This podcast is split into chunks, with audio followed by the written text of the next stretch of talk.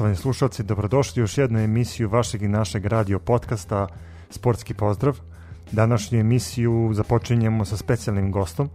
Mi smo ga najavili pre pola sata na našoj Instagram stranici koju ste mogli da Ne, ali smo mi njega mnogo ranije, ali ajde, za, ovo je bio video, video najav, da videli su šta se, ovaj, čime se osvežao. Šta, šta se kuva. Da, šta se kuva. Da, nemoj kuvamo se ovih dana, molim te, nemoj mi kuvanje spominjati. Znači, daj da se malo ono, zaledimo. Te, teško je napolju, ali kod nas u studiju veoma prijatno. Da, da, možda sad treba, sad, sad je vreme da pričamo o hokeju naš, sad je pravo vreme za to. Sve o svemu, da napomenem da je naš današnji gost Nenad Kovačević, psihoterapeut i jedan od eh, psihoterapeuta. Pardon, pardon, fizioterapeut. Nama treba da. psihoterapeut, da. ono ta, da ti ja idemo tu se, zato što... Tu se slažem, tu to je zato što se raduješ Javoru ovaj, u prvoj ligi Srbije i Maču i tom duelu, zato trebaš kod psihoterapeuta, a e. ovo je fizioterapeut. Uh, fizioterapeut koji je radio u mnogim evropskim klubovima, radio je kod nas uh, pri reprezentaciji Srbije i u mlađim kategorijama, a i u timu kod uh, Javira Clementea. Pa eto, Nenade, dobrodošao u našu emisiju i evo da ti poželimo dobrodošlicu. Hvala vam, bolje vas našao, pozdrav vama i vašim slušalcima. Da napomenemo, znači, ovaj, mi ćemo svakako voditi jedan opušteni, ovaj, pet, ono, casual Friday, ovaj, Jasne, razgovor sa, da. sa, sa Nenadom, a ovaj, vi ako imate pitanja, naravno, sportski pozdrav na Twitteru, Instagramu i Facebooku ili na broj telefona 060 714 ovaj, samo ozbiljni bez slika, pogotovo dole ispod pojasa, to nećemo otvarati ovaj put. Uh, Nenade, dobrodošao, hvala ti prvo što Bolje, si snažno. potegnuo iz ovaj prestonice ovamo nas novi periferiju države malo da, da se... A, Novi Sad je jako lep grad, ja volim Novi Sad. To, to ja i mi kažemo kad odemo u Zemu, znaš. Kako... da. Pa tako, tako da, ovaj, ništa, ajde, ovaj, predstavi nam se ukratko, ovaj, čime se baviš i neki početci, kako si došao, kako si uopšte želeo, postao, ono, kao, sad ću da budem to što jesam. Pa, to je bilo sasvim slučajno, ja sam se bavio u srednjoj školi, teo sam profesionalno da igram košarku i imalo se nekog talenta, međutim imala se vesina za to, pa se nije procenilo da će nešto biti od mene, mada sam ja to sam shvatio, ali ja sam srednju školu učio medicinsku užicu i u tom mom školovanju ja sam i bio i sportista i desila se jedna povreda da sam imao totalnu dislokaciju ovaj, lakta i ovaj, tad u to vreme nije bilo ni terapeuta ni doktora u klubu Znači, to je za nas bilo realno pojam. Vidiš možda u Šakoškom klubu Partizanu, u Zvezdi, vidiš na velikim timovima, ali u manjim klubovima to je bio pojam. Realno. I s obzirom na to da su procenili tadašnji bolnički lekari da je to pauza možda duga, možda neću više nikad koristiti tu ruku, pa je bilo svega i svačega tu, gde sam ja stvarno prošao traume. I onda sam upoznao jednog gospodina iz Beograda, oni čuveni legendarni fizioterapeut, dugogodišnji uh, Ofka Beograda bio više nije sa nama, nažalost, zove se Rakija Ranđelović, zvao se Rakija Ranđelović, uh, istinska legenda Ofka Beograda, koji me je pogledao i bukvalno kroz žargon rekao, Buraziru, to je ništa, ovo ćemo rešiti jednim potezom, on je meni vratio u ležite ruku. Da sam ja bio šokiran. Tada se stvorila i moja ljubav prema tome da postanem fizio i zainteresovan sam kako ću i šta ću i kad sam završio srednju školu u Užicu, ja sam došao u Beograd na studije, upisao višu školu za fizioterapeute i s obzirom da to što dolazite iz provincije, dolazite u veliki grad, skup je život, to je bilo realno, da te roditelji finansiraju, i plaćaju stan, studije, baš se nije moglo ni sve. E, prva godina studija, ja sam ostao zapažen na fakultetu i tadašnji i sadašnji možda je, mislim, najveća legenda je trenutno Partizana, profesor Slobodan Branković. On je uočio u meni neki talent i dao predlog da možda dođem u mlađe kategorije Partizana. S obzirom da ja sanjao o takvim stvarima i svako sanja da dođe u to, ja sam hteo da poletim da odem tamo. Međutim, čovjek koji mi je pomogao i okre napravio prekretnicu u mom životu, gospodin Rakija Đelović, mi je bukvalno istim rečima rekao uh, ti nisi dorastao da dođeš tamo i ovo je veliki klub u koji ću te sad dovesti. I doveo me u Ofka Beograd. Ja sam u Ofka Beograd došao bukvalno da radim kao da steknem zanat i da se školujem. Koje godine si došao u Ofka To je bilo 2003. godine. Kako su izgledali ti prvi dani u Ofka Beogradu? Ja sam, ja sam imao izuzetnu tremu prvi dan. Znate, kad dolazite, dolazite u tako veliki klub sa tako velikom istorijom, e, i su, izuzetni sportisti su prošli kroz taj Ofka Beograd. A u tom periodu i pogotovo su bili? U pogotovo u tom periodu da. kad sam ja došao. Ja sam imao sreću da iz istog grada i bio i golman tadašnji Nenad Erić, prvi golman Ofka Beograda koji me je poznavao i on mi je pomagao da se snađem u početku. I eto, sticam, obzirom da sam ja gajio e, izuzetnu ljubav prema tom poslu i strajnost je, se pokazala, ja sam bio nagrađen kao najmlađi da dobijem i posao. Pa sam se tako finansirao što sam radio i išao u školu i ovaj A znači to je sve za vreme školovanja se dešavalo. Tako je u to tim pa ja sam tad imao koliko već 19 godina. Kako um, si uspeo to da da kombinaš? Pa vrlo teško. Vrlo teško. Mm, puno oblaza je. Pa gledajte, ja sam tada dobio uh, zadatak da sve mlađe kategorije pokrivam. Znači to je bilo od mlađih uh, petlića pa do mladinaca. Znači, moj radni dan se svodio bukvalno, znači popodnevni treninzi pa do uveče da se pokriju sve. Vikendom sve utakmice. Bilo je nekad to teško uklopiti s fakultetom, mada da ljudi su sa fakulteta stvarno imali razumevanja i videli moju želju da želim da se bavim time, pa, da su, pa su mi nekada stvarno izlazili da ne moram da dolazim na sva predavanja. Možda je to neki, neko će reći sad da je to neki, neka medveđa usluga, ali iskreno to je bilo dobro za mene u tom periodu. E, posle izvesnih tri godine ja sam vrlo brzo ušao u rutinu tog posla i bio priključavan s vremena na vreme prvom timu. E, te 2004. ili 5. slagaću vas tačno, Ofka Beograd je prvi put posle 40 godina istorije igrao finale kupa sa Crvenom zvezdom. Ako da, da sećate da, utakmice, finala, da. E, tadašnja ekipa Ofka Beograda je posjedovala neviđene igrače. Meni je i dan danas ostalo u tragu sećanje to finale.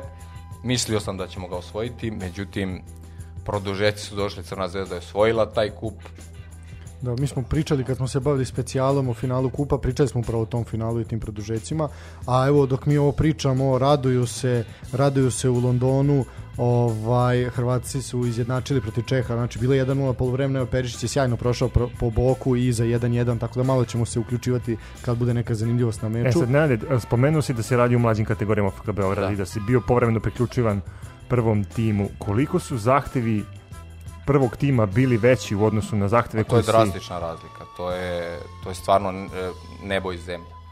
Sa mlađim kategorijama raditi je jako lepo sa decom. Da, i tu ima povreda, to je neosporno, ali nisu zahtevi kao što su u prvom timu, nisu toliki napori kao u prvom timu. Drugo, a, moji mentori tadašnji su e, nama striktno zabranjivali da se deca mlada masiraju, da se uče da se masiraju, da se ne razmaze, da prosto očeliče i to je ispravni deo. I ja se slažem i dan danas potpuno sa tim. Jer meni je nepojmljivo da deca u uzrastu 10, 11 godina odlaze pre treninga da se masiraju, da se pripremaju, jer oni su tek u fazi rasta. Ne, razvojna. Razumem. Znači, taj period mora da se, što bukvalno rečeno, kaljenje i čeličenje. I meni je to i dan danas ne pomnju. U redu je kada ima neke jake mehaničke povrede, to je okej da se... Tera, u da terapijskom, da se, ra, terapijskom smislu, smislu da. da. Da se podvrnu. To je sasvim normalno. Ali, kažem vam, e, jedina stvar u tim mlađim kategorijama što sam, ja sam bio na šest kategorija. Znate, kad odete na pripremne i provedete po dva meseca sa, vi, se, vi ostajete, a sve se ekipe samo menjaju idete s treninga na trening.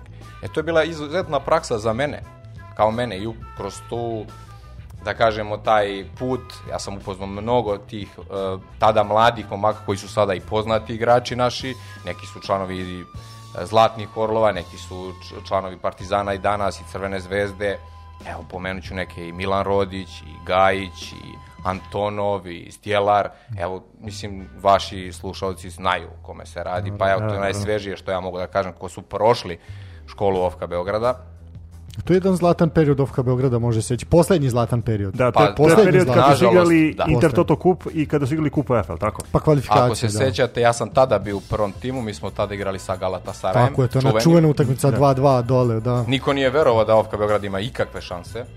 Da. Međutim, na 2-0 mi okrećemo utakmicu u zadnjim momentima u, u bukvalno u našu to korist. Je bila Doneli UEFA, smo ogromnu radost da, da, da Tako je, UEFA je bila, UEFA je bila tu utakmicu proglasila kao iznenađenje kola kvalifikacija. Yes. Jeste da posle na Karor bi mi je bilo lupanje po guzi, ali šta sad da, da je ga. Pa dobro, da. ja se ne bi baš ložio da je bilo baš tako. A bilo je, ali pa dobro. Pa dobro, da. to je izgledalo rezultatski. Onaj ko je bio uh, na utakmici, gledao je utakmicu, većina njih su se složili da je jedan samo momenat preokrenuo utakmicu, a to je crveni, crveni karton, karton Nikolića da, i da, da sviranje 11. na srca. Mislim, to je nešto što je I šok bilo raspalo, za je. Da. E, Inače, tu je onda sve da, palo. Da, ta utakmica protiv Galatasara je poslednji sjaj OFK Beograda u Evropi. Nažalost, da. Pa čekajte, ta slika te pune Karaburme, onako je već tada počela i da se raspada, ovaj, i ono, pa može se reći da poslednja, poslednja ono neki, neki sjaj, da, nažalost, na, na neverovatnu žalost, ali Pa ja ću vam reći, ja sam, ja mogu da kažem da je moje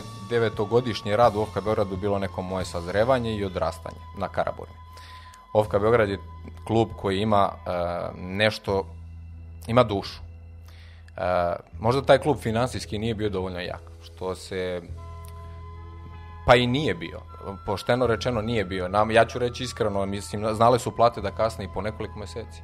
Pa dobro vidi kasnije u Partizanu. I dan danas. Mislim, kasnije danas u nekim klubovima, da. Pa eto, imali ste protest u Vojvodini su kasnili. Mislim, osvajač da, kupa da, je, da. nema plate redovne, mislim. Pa slažem se, ali e, taj period, znate, da radite i da budete toliko uporni da se borite za taj grb i za te boje i kad vidite na tribini da se protiv tog Alata Saraja pojavi koliko hiljada ljudi mhm. i ponovo čujete plavi, plavi, nekako se vratite u ono doba Ovka Beograda kad je dominirao da, da, da. stari Jugoslaviji. Tako je. I to je nešto najlepše što mi ostaje u sećanju, pogotovo ja sam imao sreću i to je zadnje što je bilo da sam bio e, dva puta šampion omladinske selekcije 90. 91. godište gde su prošli neverovatni igrači, među njima su i Krstičić, Šćepović, e, Stefan Nikolić, Milić što igrao u Crvenoj zvezdi, da, da, da, Ignjovski Aleksandar, koji je naš reprezentativac bio, e, znači mnogo igrača tu prošlo, možda sam neke i preskočio pa se, nek se ne naljute, ali mislim davno je bilo, treba ih sve popamtiti, ali kažem vam, znači to je nešto što, čime se ja ponosim u OFK Beogradu i te slike im dan danas stoje e, kao jedine slike u boji da je OFK Beograd bio šampion. Uh, e, OFK Beograd je te sezone kad igrao s Galatasarajem bio treći na tabeli. Tako I to je nešto što je bila kruna u moje karijeri rada u Ofka Beogradu. Ja se iskreno ponosim sa tim, makoliko se gledala zarada je bila ili nije bila, uh, taj neki rad koji sam i neko iskustvo koje sam dobio u tom klubu nema cenu. To što je OFK Beograd meni dao, ja sam na sve moguće načine pokušao da uzvratim i nadam se da sam uzvratio, što potvrđuje da smo i dan danas prijatelji, kad god odem na Ne, ja, ja mislim taj dug niz od 9 godina, kako, kako što sam napomenuo, ipak mora da ostavi neki dubog trag u radu kluba ba, pa, to je... i mora da postoji ta neka obostrana simpatija da se da se Naravno, tako naravno. Ja sam imao sreću da upoznam i e, dosta trenera je prošlo kroz taj OFK Beograd. E, među njima su i istinske legende. Ako znate, mislim tu je i Aleksandar Stanojević bio trener, pokojni Slobodan Kuljanin koji je bio asistent Aleksandru Stanojeviću u Partizanu e, sa kojim sam ja osvojio te dve titule. E, tu su prošli Milan Lešnjak, Dževat Prekazi, koji... To su sve legende i u futbolu. Da. Legende futbalske. Ja sam imao tu sreću i da zakačim period života i Santrača i, i Petkovića, mislim, Ilije i to je nešto što ću, mislim, pamtiti ceo život da sam imao eh, sreću da budem rame uz rame i da budem u prisustvu takvih ljudi. Kako ne, evo te Slobodan Santač, najbolji strelac lige, ono svih vremena, mislim Ilija Petković, da, da ne pričamo kakav, kakva legenda. Mi kad ovaj, smo spominjali da... Iliju Petkovića poslednji put da, uh, i Ofka Beograd, uh, došli smo do jednog tužnog zaključka da eto sad kad nema Petkovića ne znamo ko bi mogao da podigne Ofka Beograd. Pa gledajte. OFK Beograd se trenutno nalazi no. Da. baš u teškoj situaciji. Pa već godinama zapravo unazad, ali znaš kao e, po meni, znaš svi ti što si sad napomenuo, svi ti, svi ti ljudi nažalost, ali ajde to to je život, ono polako prestaju da budu sa nama tako, i sa sve te legende koje su zapravo disale za taj OFK Beograd, pa je poput Ilije Petkovića, Santrača i tako dalje i tako dalje. I sad da on ostaje, znaš, ja ne vidim nikoga ko bi sad nešto od tih mlađih mogao da kaže i da se sad zainati i kaže ja ću sad svoje milione koje sam zaradio preko bare ovaj, da... da pa da, ne znam, da, evo, da, imamo, imamo Baneta Ivanović, imamo Kolarova. Kolaro da, će da, svoje milione ostaviti ja na... Da. da, da, da, da. Pa to su da, pa, to nisu mislim, gledajte, da li na ovaj ili onaj način e, taj plavo-beli duh i ta vetrovita karaburma će se dići katat.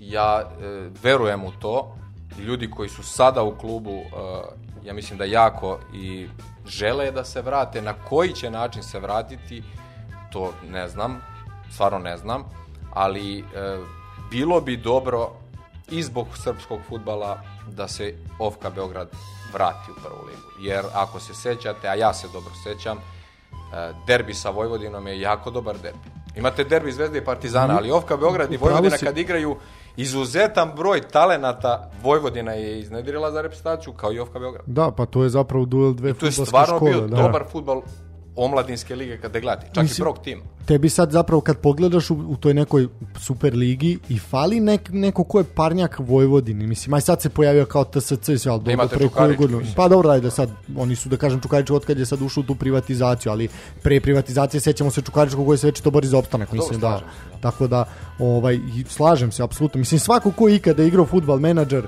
ovaj, od 2005. 6. pa nadalje sa Ofkan Beogradom je mogu da uzme titulu. Mislim, to bez, bez, ovaj, bez razmišljanja kakvi su to igrači i talenti. Pa kad pogledate spisak igrača i prvih 11 koji je igralo tada Zofka Beograd, da, da, da.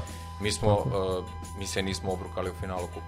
No, ne, mi smo na, čak šta više i nadigrali tu šampionsku crvenu zvezdu. Da. Uh, uporedu sa Sofka Beogradom dešava se priča pri reprezentacijama, tačnije omladinskim, pa onda kako si, kako si zapravo došao do Futbolskog saveza? Pa gledajte, ja sam sarađivao sa Dejanom Đurđevićem koga zovu Švaba, sad je trener i čestitamo na tome e, Kolubare, preuzeo da. Kolubaru, da. koliko sam ja kroz medije da, da. ispratio. Da, I istrajao je duže od Radovičića, preživao je tih prvih sat vremena. Dakle, On je jako da. dobar trener i e, nadam se da će nešto napraviti sa futbalskim klubom Kolubarom, jer ja verujem u njegov rad, znam kako čovjek radi i koliko je uporan. Ovaj, ja sam počeo da radim u omladinskoj školi sa njim, imali smo jako dobrih rezultata i on je pozvan da bude selektor reprezentacije. Kada se je biralo ko će mu biti glavni terapeut, on je bez razmišljanja rekao moje ime. To je za mene bio jedan level up, što bi rekli, jedno novo iskustvo, to je bila 91. generacija, gde vam je igrao i vaš Daniel Aleksić, Goran Brkić, Milanov, e, bilo je tu popriličan broj, Dadem Ljajić, Darko Roksa, su izuzetni igrači igrali za tu selekciju 91. Nažalost, mi smo se prosirali na to evropsko, ali nismo otišli dalje. Nismo imali sreće ni u žrebu, a i izgubili smo, e, koliko se sjećam, od Hrvata 1-0 i ispali sa daljeg toka takmičenja. Ta selekcija je posle igrala e, Evropsku u Turskoj, tako 2008. Jeste, jeste, jeste.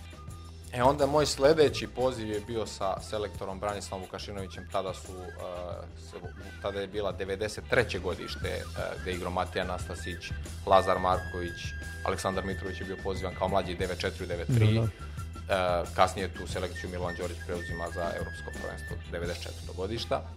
Ta generacija isto bila izuzetno, sa njima sam imao sreću da smo u Ukrajini osvojili taj njihov turnir Eh, Lobanovski, kako se zvao. Da, po Već, Valeriju, da, čuvenom legendi. Tako je, i mi smo osvojili taj turnir za, na, na iznarađenje mnogih. Ovaj, I eto, kažem, to je bio sledeći moj moje boravljenje u repstaciji. Kasnije je bila ta univerzijada čuvena u Srbiji u Beogradu koja je bila i tu sam isto učestvovao na univerzitetskoj repstaciji Srbije. Tu se nismo baš najbolje proslavili, nažalost.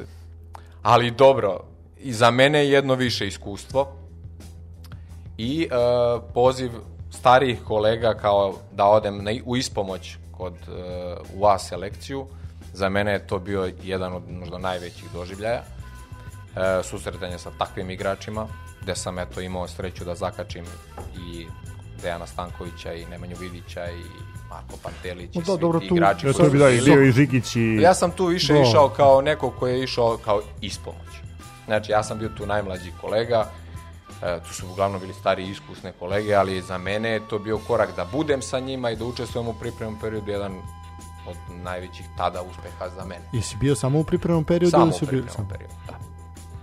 E onda se posle toga ja firmišem i napuštam OFK Beograd, otvaram svoju privatnu kliniku gde sam hteo da napravim jaz da dobijem iskustva i u tom delu. I onda su kroz taj posao, taj privatni biznis koji sam imao, javljali su se, pojavili su se razni kontakti, dola, počeli su da dolazi igrači sa stvarno svih strana, ne samo iz Srbije, nego bilo ih i sa strane. E, I ja tada prvi put dobijam poziv da, a, od, od, da odem u Liverpool kod Lazara Markovića da mu pomognem u rehabilitaciji. Da, I u tom mom privatnom njegovom radu, individualnom radu sa njim, javlja se e, mogućnost da ja ostanem. Međutim, e, u kontaktu sa tadašnjim menadžerom e, Liverpoola Brendonom Rodgersom bilo je reče o tome da ja na kraju sezone prilazim klubu, međutim on odlazi, dobija otkaz i moje se tu e, moj rad se tu završava, Lazar se naravno vratio u trenažni deo, nastavio svoj normalan put, dobro kasnije su ga i druge povrede zatekle, ali bože moj na osnovu tog dobrog rada onda e, menadžerska agencija Matija Nastasića u dogovoru sa futbalskim klubom Šalkeom na osnovu mog rada i njihove prognoze e, predstavljaju mene kao nekog magičnog čovjeka koji će to rešiti. Za mene je tad bilo poprilično neprijatna situacija da ću to uraditi, međutim bio je izazov.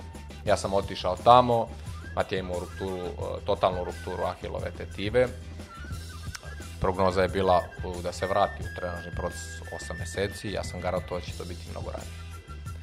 Možda je to tako ludo delovalo, mada ja kažem, mi u Srbiji ljudi e, imamo izuzetan talent za ove stvari koje ja radim. Imamo izuzetno dobre kolege, izuzetno dobre lekare, marljive, vredne i radne ljude.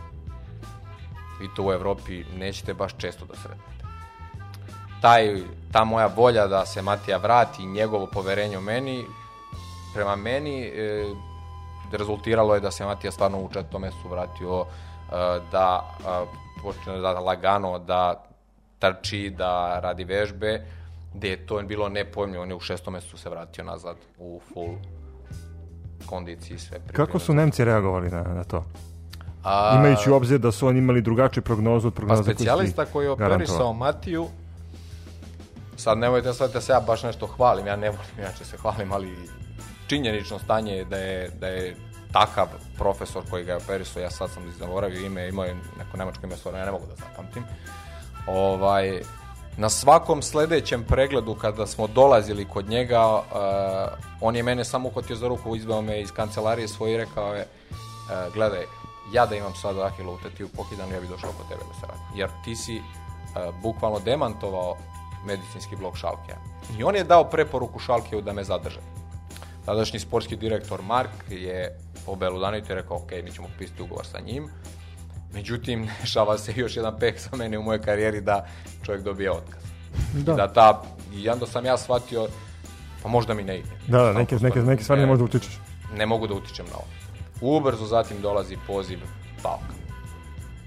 Vladimir Ivić je na osnovu svojih nekih kontakata i ljudi, naravno i Saša Ilića i mnogih igrača Partizana koji su radili sa mnom, e, dali njemu na preporuku jer je njemu trebao stručnjak za e, futbalski klub PAOK i dobio sam poziv direktno od njega da napravimo jedan sastanak, da porazgovaramo o nekoj kakva je moja vizija u svemu tome, kakav je pogled. I onda sam ja rekao da ja moram da doputujem da bih video kompletno celu situaciju. Međutim, e, ja sam bio podvrnut, podvrnut od strane Pauka jednim testom. Oni su hrvatskog reprezentativca Marina Leovca postali kod mene i prognoza je bila da će momak biti tri nedelje out zbog rupture mišića, koja nije bila izuzetno velika, bilo je par milimetara znači, u prečniku. E, iskreno, za mene je to delovalo vrlo lako rešivo ja sam dao prognozu da će se vratiti za 7 dana. Tadašnji njihov lekar je rekao da je to nemoguće i da je prosto mi u Srbiji jel gajimo neku magiju, pošto i magične futbalere imamo i magične košarkaše i sportiste u globalu i jel to Srbija tako magična. To je zbog piramide u Rutnju, na što? Verovatno, ja da. se slažem s tim. ovaj, I oni su poslali uh, Leovca u Beograd na rehabilitaciju kod mene. On se šesti dan vratio nazad u Solun, odigrao je ceo playoff gde im je bio potreban i on nije imao nikakav problem do kraja. Na osnovu toga gazda Pauka daje zeleno svetlo Vladimiroviću da ja dođem u Pauk, da mi porazgovaramo o angažmanu. I moje prvo, uh, u prvom razgovoru je bilo hajte da pre, ne pre nego da bilo šta započnemo pregovore i oko financija i oko mog posla, da ja otputujem na pripreme, da ja vidim kak, gde imate problema, jer oni su u da, jednoj sezoni... da, kako sezoni... Kako se tim?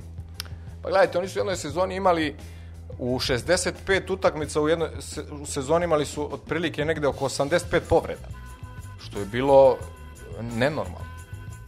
Baš veliki broj i nisu znali gde problem bio. Da, pa su hteli da nešto ne. Da. promene.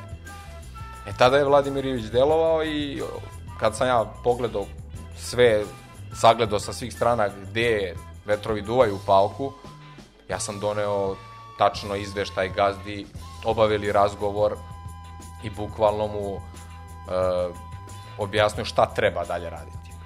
stigle, da, stigle su dve poruke, ovaj prvo da je Nenad izuzetno zanimljiv, trudit ćemo se da nastaje to, a drugo kaže da li imaš posao za ovog nesretnika pored tebe. Pa naći ću ne. nešto, nešto, daj.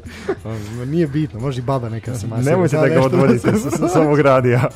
Ne, ja ću go, uključivaću se, ne brini se. Nećete, ja ću ispoštovati tebe uvijek. Tako da, dobro. Ovaj, onda si, pretpostavljam, po istom mehanizmu sa Vladom Ivićem otišao u Izrael, je li tako? Da, ali pre, e ka, kako se uopšte otišlo u Izrael. Pazite, e, biti u jednom velikom klubu e, nije lako, znate. E, jedno je raditi u Srbiji gde je odgovornost i nije bila tako velika i takav pritisak kakav sam ja doživio u Pauku. E, jednostavno, vi znate, Pauk je bratski klub sa Partizanom. I taj huk sa tribine je i sličan kao i u humskoj, samo što je to malo, sam da samo je kako malo izgleda, jači. E to, kako izgleda huk kad puna tumba zapravo? To je, to je neopisivo, ja, ja, ja, to, ja to mislim da neću zaboraviti dok sam živ. E, takav osjećaj sa tribine, takva energija, pazite, ja moram da budem realan. E, kad vas ide, vi ste tamo bog. Kad vas ne ide, krijete su miši rupu. Ali bukvalno. Ispričat ću vam anegdotu, ali se prebacujemo s teme na temu. E, reću vam kako je moj početak bio u Pauku, ja sam seo sa gazdom uh, kluba i objasnio da je, uh, kada mi je postavio pitanje kako je moje viđenje o Pauku, je Pauk veliki i partizan, ja sam tada možda uvredio gazdu, ali rekao uh, Pauk je ok, veliki klub, partizan je po titulama veći klub od Pauka, da, što da. da. nije bilo nešto što nisam rekao istinu, čak što je Crna zvezda mnogo trofejnija od njih, ali e, rekao sam ukoliko vi želite, vaša strategija da igrate svake godine Evropu, vi morate mnoge stvari da promenite u, na trening centru. E, jedina mana Paoka je što od grada do trening centra ima 30 km u jednom smeru i morate voziti svaki dan. To je malo za igrače malo teže. Mislim, da provalite put od 30 km, da trenirate, da odradite oporavke da se vratite. Mislim, pa, to je... pa vidi, na primjer, evo sad ovaj, možemo napraviti malu digresiju. Ako si gleda, onu, e, bila je Netflix, Netflixova serija o Sunderlandu. Da, da, gledam. Ovaj, video si da je njima trening centar daleko izvan Jeste, grada. Jeste, da, slažem da, mislim, se. To je, pa to, to, tako, je, da. to je to je sad evropski postalo, da se da. udalje od grada, da imaju svoj mir, gde će da rade, da od, od e, raznih fotoreportera do novi novinarno medija da se sklone, da imaju svoj mir u svom radu. Mislim, to je istina. Ali kažem, Pauk, kada sam ja došao i video uh, infrastrukturu Pauka, ja sam bio jako razočaran. Prosto imate teretanu koja je 15 kvadrata na 28, 30 igrača nemoguća. Medicinski blok je imao možda, pa ako je imao 7 kvadrata, dva masterska stola i to je sve. I na moje insistiranje gazdi, ja sam samo u stvari rekao, gledajte, ako mislite da igrate Ligu šampiona, Ligu Evrope, vi definitivno morate da investirate u to. Njegovo pitanje je prvo bilo, a zbog čega bi ja to radio? I onda sam ja jednu anegdotu, ću vam ispričati, mislim, tad je možda bilo i smešno, ali meni nije bilo smešno jer sam video izraz lica gazdin. Kada mi je postavio to pitanje zbog čega bi investirao u medicinski blok i uopšte u ostale prateće delove, ja sam samo rekao koliko košta jedan vaš igrač? I on je zbunjeno rekao, pa ne znam, kao, ku, ne znam, kao, rekao, da li košta godišnja 500.000? Pa možda. Pa kao, evo da uzmemo jedan prosjek. Svaki igrač toliko košta. Da za 28 igrača, koliko imate para na jedno mesto na godišnjem nivou? Kažu, pa eto, mnogo je. E, kad, to vam je, samo kad kupite, pošto naš gazda ima mnogo para, taj gazda Pauka ima mnogo para, znači stvarno mnogo. Kad kupite jedan skupoceni auto, kupite Bugatti eto, vrednost Bugatti je jako velika. Da. A radite servis u Fiatu. On me je pogledao i rekao, ovim, ovim je završen naš razgovor i ja sam se tad prepao da... Da je gotovo, da. Da je to gotovo. Da, da sam sad ja možda nešto pogrešno. za pojasa, pošto ga nosi. Ne, ne, on je da. jako divan čovjek. Stvarno, iskreno rečeno, ja saradnju sa, sa Gazdom Pauka sam imao fenomenalno. On, on je stvarno jedan divan čovjek. On, on stvarno voli taj klub. On mnogo daje za taj klub. Ne, to se vidi, to, to je jasno. Znači, verujte, od Vladimira Ivića je sve i krenulo. Taj pauk je sad uspon od Vladimirevića. A upravo vam govorim i zbog čega. Tada se dešava promjena, e, kada je rekao da je naš razgovor time završen, ja sam potpisao ugovor, e, dobio sam odrešene ruke za sve, oni su sagradili u tri meseca kompletnu novu bazu. Sa svim pratećim elementima, sve koji smo tražili. Tada paok, E, u tom periodu mi smo bili deveti na tabeli. Kada se sve sagradilo, e, mi smo odjednom uspom počeli da pravimo progresivno. Ta sezona se završila, posle 14 godina smo doneli kup i tu ću vam ispričati kako je, što pitate za navijače kako to izgleda.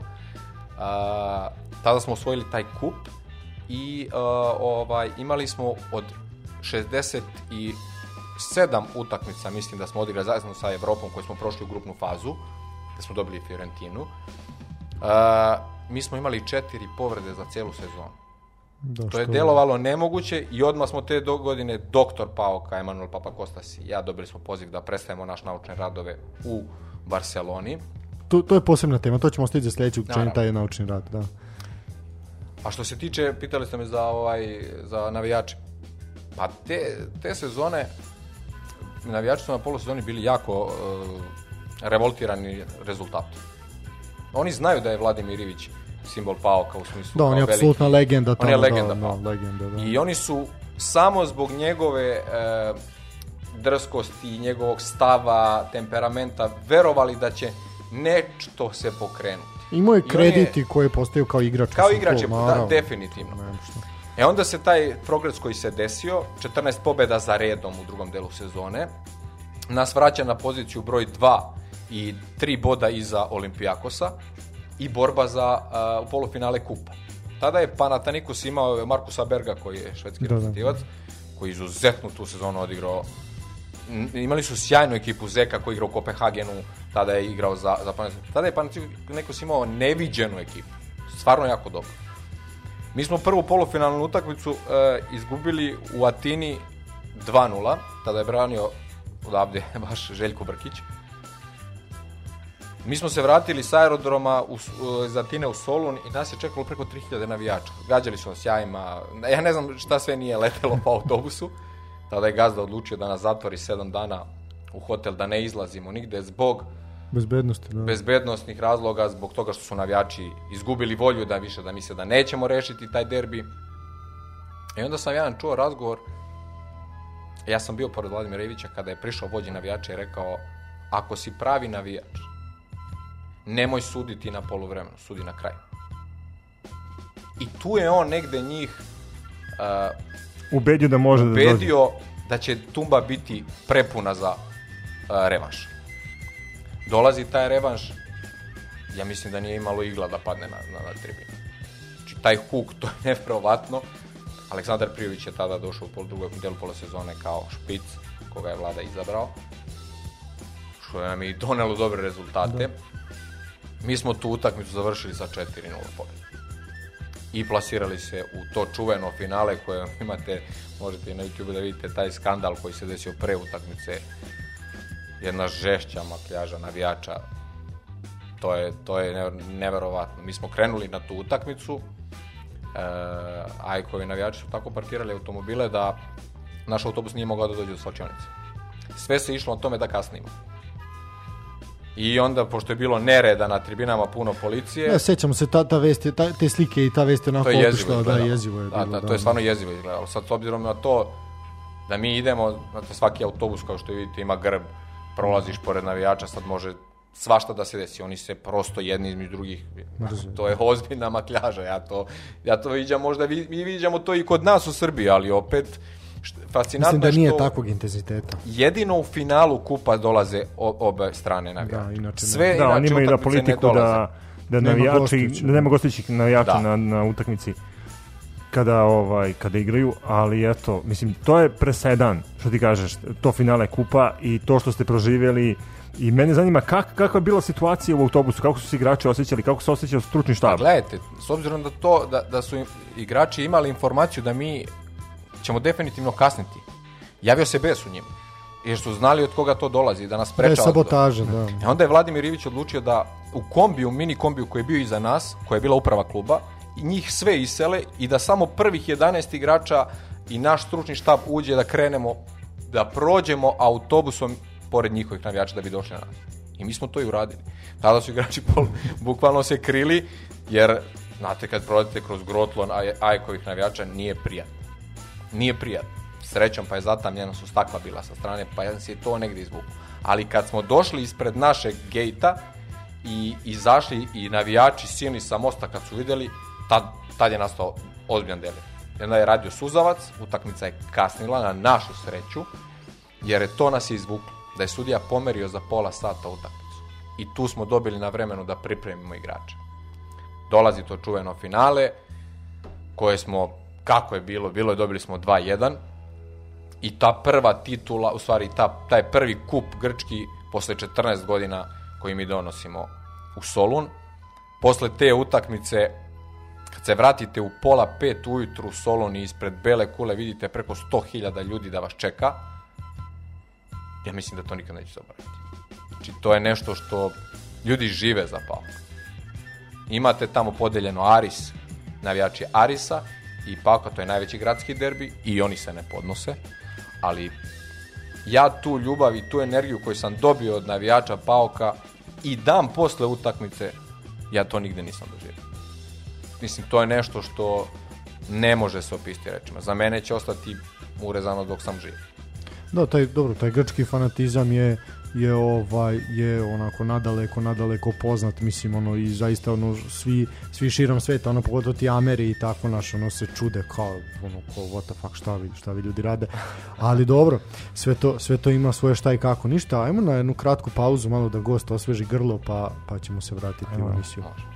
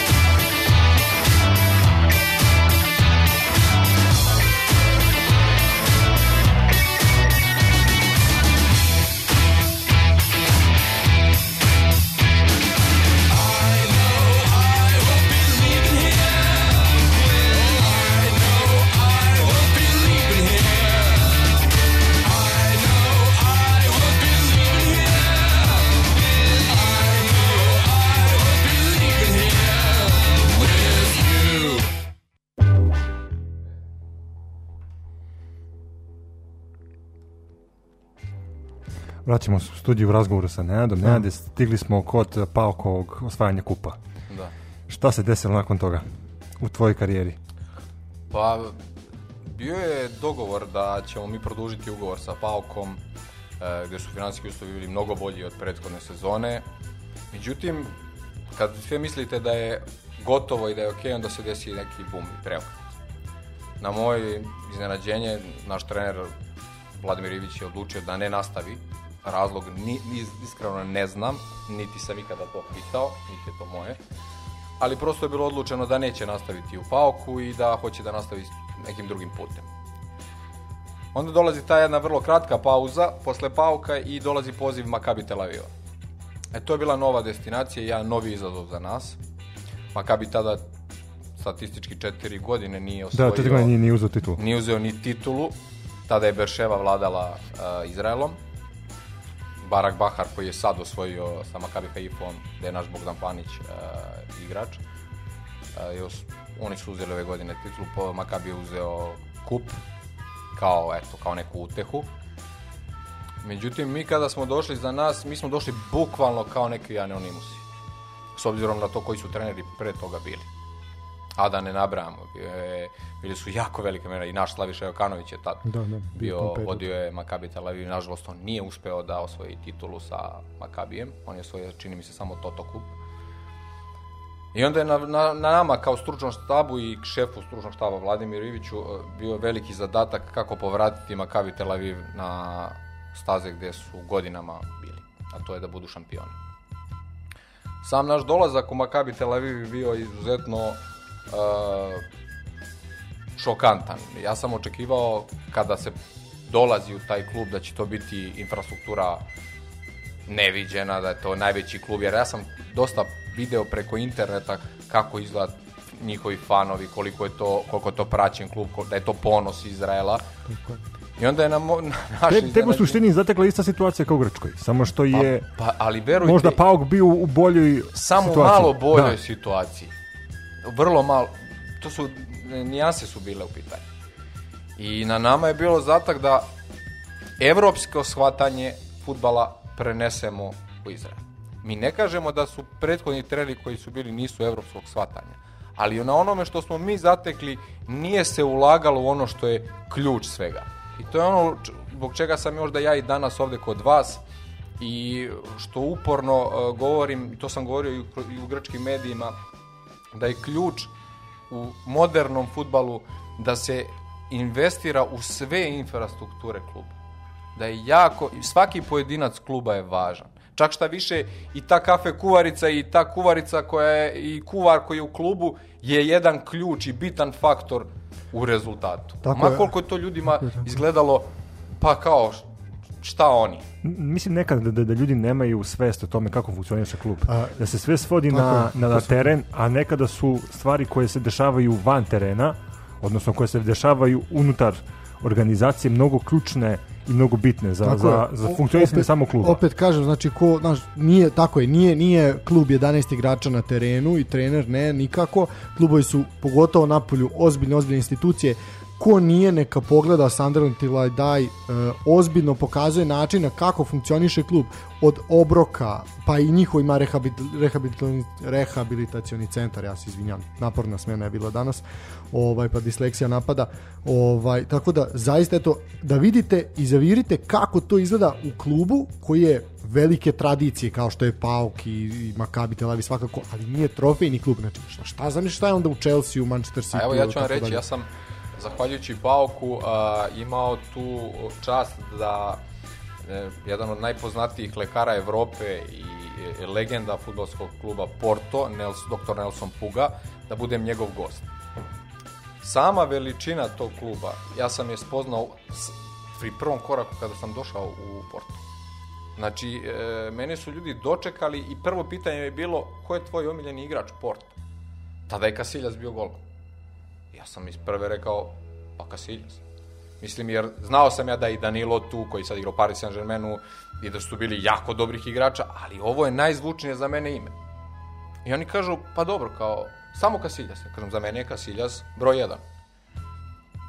I oni kao, ok, kao prvo ćete da posetite naš muzej, pa ćete tek doći na trening centar. No da shvatiš gde si znači, da došao. da shvatiš da. gde si došao. Ja sam u, u samom muzeju Porta proveo više od 3 sata. Ja ne znam koliko sam fotografija napravio, jer ta istorija, svaki detalj je ekranizovan, svaki gol važan, svi treneri koji su napravili bilo kakvu karijeru uh, u tom portu, ostavili trag, su dobili statue, pa čak na moje najveće iznenađenje, koji, evo, vaši slušalci, ako ikada odu u Porto da posete muzej, vidjet ćete i ovo što sad kažem, da oni imaju statu e, uh, fizioterapeuta, masera bolje rečeno, koji je legenda koliko ima 90 godina, koji i dalje u klubu ja se nadam da je još živ, tada kad sam ja bio, on je čovjek bio živ, radio je, ali oni nisu čovjeka poslali u penziju iz, isključivo zbog velikog respekta, lojalnosti i odanosti prema klubu. I oni su iz, izradili statu pored Murinja, pored William Bovaša i njegov. Znači koliko taj klub poštuje svaki, e, svakog čovjeka koji radi za klub. Ali zato jeste u top 10 najvećih klubova na svetu. Ja. Mislim, zato Slažem jeste, se. zbog toga. Evo, reći ću vam, ja, e, posle tog muzeja, mene je na, na ulazu samo u trening centar dočekao Iker Casillas, koji me je sproveo kroz ceo trening centar. Zato su te i pitali. da, da, pa, pa da, oni su mene pripremili, ali zamislite taj, su, su situaciju kad vi gledate ceo život Kasiljasa na na stativama Real Madrida, sad osvojio je čovjek sve što je osvojio i sad vi dođete i kao, taj čovjek vam pruža ruku i kaže trugarski skroz jedna opuštena da, da varijanta. Danas si ti moj kao, gost. Chill, kao ti si da. danas moj gost, ja ću te provesti. Ja bih rekao Ljubinko Drulović. Aha, šta ćemo onda? da, da. Pa dobro. To je taj eurospecial. Tada je u toj generaciji uh, Porta bio jedan naš igrač. I to je bivši igrač Ovka Beograda, Marko Pavlovski. Jeste, da, upravo, da. Eto, on je bio pa i da, on je jako lep prije Marko Pavlovski ima jako, jako čudan put ovaj, yes, karijere. To je to istinito, je, da. ali da. oni njega jako cene kao momka, kao osobu. On je jako lep trag ostavio tamo kao ljudska osobina. Igrački možda nije to pokazao što se očekivalo, ali oni su vrednovali to i sa ljudske strane. A e, to je ono čemu je Duško Jošić pričao, znači birate igrača i kakav je čovek. I to je A, da, jako po bitno, i po karakteru, znači jako je bitno da on kao čovek legne tu, tu okolinu. Evo sad ćemo upravo reći šta, šta taj futbalski klub Porto radi. Mislim, taj medicinski blok, koliko je moja svest bila u Srbiji dok sam radio, boravio, mislio sam da sam dotako neki vrh i da je to sve što se neko krem neki našeg zanata koji može se vidjeti. Međutim, moj dolazak u Porto sam je mene demantovao totalno. Znači, ljudi idu u najsitnija creva, znači što se tiče analiziranja igrača, dok Do ne detalja. dođe u trenažni proces. Znači i pri kupovini igrača oni rade kompletne analize. Znači tu postoje u njihovoj bazi koji imate za A i B tim iste su baze i nema razlike i ne pravi se razlika. Bez obzira što ovaj igra u A timu i ovaj u B timu, oni ne prave razliku da se igrač ne bi osjećao lošije. Znači da im servis bude kompletno isti. Oni posjeduju zubara na trening centru, očnog lekara, eh, nutricionisti, kuvari, a, fiziolozi, a, da ne pričam o, o raznim trenerima, od fi, fi, kondicionih trenera do fitness trenera, do, za preparat, e, pripremu, trener prevencije od povreda trenera, to je sve posebno. Osteopate, fizioterapeuti, masera veći broj i tri lekara rade za klub u svakom momentu. Znači, to je ozbiljan tim ljudi koji rade samo taj deo, da pričamo o medicinskom delu koji, koji je važan, a da ne pričamo o stvarima gde su analitičari da, i pomoćni skauti, treneri, da. skauti i ostalo. To je klub koji je neverovatno organizovan, oni prodaju igrače, ako vidite i sami pratite, ogromna cifra. Pa to su pa 90, Ma da, pa mislim kad on prodaje igrača da za 50 miliona, ali oni može... mnogo ulažu u sve to. Pa to je problem što znaš, to je mislim mi smo to milion puta istakli. Znači ti kad imaš nekoga ko je prvo prvo ko voli taj klub. Znači prvo moraš početi od toga, znači da taj neko ko radi u tom klubu voli taj klub. Znači da živi za njega da kao što ispre. si rekao. Da. Prvo moraš da voliš to što radiš. I to, to je, to je osnov, mislim, prvo A onda je to. sve ostalo. To, to, to bi trebalo, znaš, da, da ono, svijet bi bio mnogo lepše mesto kad bi svi radili ono što vole. Da, znači, da. To, je, to, je, to je početno, znači, to je ono što ide od kuće. Ali, znaš, kao, ajde, znaš, i onda voliš ti taj neko ko živi da radi u tom portu, znači ono, on je navijač ono od malih nogu i dođe tamo, pa naravno da će on dati sve od sebe da taj klub poraste. Pritom, znači, ako nema, ne kao naše, ono, prodaćemo igrača za 30 miliona, pa ćemo 20 skloniti sa strane, mislim, i tako dalje, i šta se, šta se sve radi. Znači, kad imaš privatnog vlasnika koji koji svoj novac ulaže prvo i pre svega, znači da se zna gde šta ide i gde se šta raspolaže. Onda je to mnogo ozbiljnije. Dogod je, mislim i to je nažalost usud naš, dogod je državno vlasništvo, tu će biti problema i neće A ličiti ni Gledajte, ja u te, ajde, u te delove baš i ne zalazim. Ja jedino e, čega se ja držim, šta ja gledam, to, su, to je moj posao i moj kolege. Naravno. E, ovo je... E, meni je iskreno žao i evo, zahvaljujući vašoj emisiji i nadam se da će vaši slušalci čuti ja e, šaljem ovim putem apel da, da se ovo sa Eriksonom nije dogodilo, a dešavalo se i pre. Ne znam da li bi ljudi shvatili koliko je važno da imate jako dobre lekare, stručne, spretne, da u datom momentu reaguju pravovremeno, takođe i fizioterapeute i masere. U Srbiji je nekako to bar neko moje iskustvo, možda se nešto promenilo pa sad ja eto grešim, ali radi pro forme da se popune mesta čisto da u protokolu imamo terapeuta. Zbog zapisnika, da. zbog zapisnika, da. Naravno, to, znači, problem, da. E, sa svim svojim kolegama s kojima sam razgovarao, uvek sam govorio, ne juri da ideš visoko, da odmah budeš u prvom timu. Jer ja da sam gazda kluba, i da nemaš radnog iskustva i da donosiš odluku o nekim povredama i od momentu da li će neka igrač da igra ili ne, što je jako i krucijalno važno možda u tom meču ili... Tom Može za dan. sezonu celu, da. Tako je. E, ti odlučiš možda pogrešno i ne osnosiš odgovornost za to. Zato smatram da svako, kao što i futbalera mladog šaljete na kaljenje pa ne igra za odmah za prvi tim, nego ide kroz drugu ligu, treću ligu, da se afirmiše kao igrač pa tek onda dolazi, tako smatram da u svakom poslu i ovo treba da bude. Absolutno. Drugo, sve svoje kolege jako poštujem. Ja vam opet kažem, ja smatram da u Srbiji ima neviđeni broj školovanih i talentovanih koji nemaju prilike da ih neko vidi, zapazi, čuje za njih, kao, ja, ja se nikada nisam e, kroz medije e, nešto gurao. Meni je bilo u životu bitno samo da oni s kojima ja radim, da oni znaju. Mislim, hvala vama što ste me vi pozvali i možda ste prepoznali neki kvalitet kod mene, ali evo, ovo je prvi put u Srbiji da kod nekoga gostujem. Aha, ekskluziva I je, Bato, ekskluziva. Meni je čast, stvarno, hvala vam mnogo. E, na, sad, sad je namešta, znači, hoće da kaže skinuo mrak kod nas. Aj. u to ime pa što bi rekli. ovaj, I hoću da vam kažem da taj deo, e, čime sam razočaran? Razočaran sam uopšte u, u srpskom sportu, mi imamo stvarno neviđene rezultate. Mi imamo neviđene predstavnike. Imamo da se ponosimo i Novakom, i Jokićem, i e, evo ko je Vasa Micić, MVP Evrolige. Pa i Teodosić je e, Pa da, naravno, ali mislim, kažem da. vam sad šta je trenutno aktualno. Da. Mislim, sve, svi ti sportisti uh, su došli na taj nivo, zahvaljujući verovatno ogromnom radu i, i, i tom servisu koji ih prati. Jer oni da su bili povređeni tokom sezone, nikad ne bi to ostvarili kao što su sada, ali tako? No, tako da, Znači, taj vetar u leđa koji im daje, ko im daje? Daje im trenerski deo i traje, daje medicinski tim. E, čime sam, upravo kažem, razočaran. Razočaran sam time da e, se plate u Srbiji e, tim medicinskim blokovima mojim kolegama u futbalskim klubovima, pa i u drugim sportovima, mislim da nisu dovoljno cenjene generalno zdravstveni radnici nisu cenjeni. Znači da nije bilo, ti sad naveo pr primer Eriksena, ali da nije bilo pandemije, ljudi ne bi shvatili. Slažem se, Mislim, baš tako. Ali ti ako uzmeš obzir, zdravstveni radnici nemaju status službenog lica u Srbiji. Znači, to je, to je veliki problem. Ti možeš da ubiješ zdravstvenog radnika da ne odgoraš. Ako napadneš policajca, čekate 10 puta veća kazna.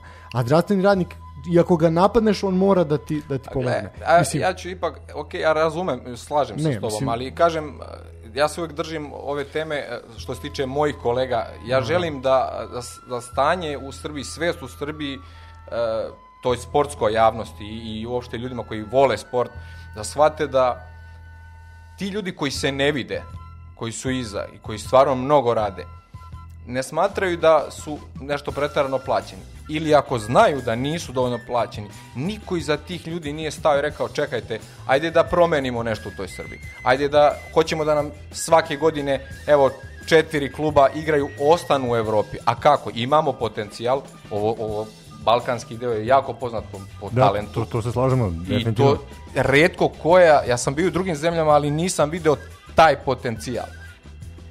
Meologi su stranci mene pitali kako je moguće da kod vas u Srbiji ima toliko talnata? Zato što je velika glad za uspehom. Ekonomski smo slabi. A to je odlika je... zemlje trećeg sveta. Zašto naši mladi dosta odlaze u inostranstvo da rade? Ja bih prvi više voleo da ostanem u svojoj zemlji, budem plaćen i da maksimum za klub koji volim i da dostignemo najveće uspehe.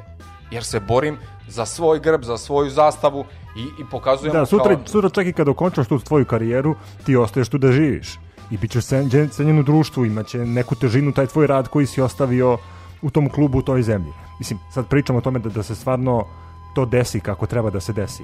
Ali imamo situaciju da stvarno ljudi beže odavde zato što nemaju mogućnost da, da iskažu svoj potencijal. A beže zato što ne mogu da prežive. Pa ne, i to, i drugo, evo gledajte primjera radi.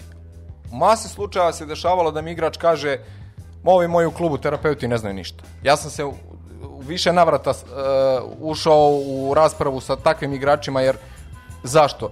Te moje kolege nemaju možda mogućnosti da pokažu sve svoje uh, kako kažem skillse koje imaju veštine zbog toga što njima klub ne obezbeđuje dovoljno uh, nemaju čime pa, pa, pa da. ne, infrastruktura ne dozvoljava, nemaju čime a dok privatne klinike koji to posjeduju onda oni rastu u očima igrača I onda je to stvarno velika e, žal za takim stvarima. I zato naši mladi kad vide pa čekaj, moj kolega koga sam upoznao, eto, primjer radi daću u nekom Makabiju, zarađuje tu i tu cifru, a ja ovde radim sličan posao, čak šta više snalazim se da oporavim igrača s pomoću štapa i kanapa i najgori sam i opet nisam plaćen ali upravo, upravo iz toga proizilazi to što si rekao. Znači, i nije samo to, ok, jeste, to, ovo je samo jedan od primera ovaj, da kažem, struke, jedne vrste struke, ali ti kad, zato, zato naši ljudi kad odu na polje zato su cenjeni, jer su upravo naučili da Istina. da se,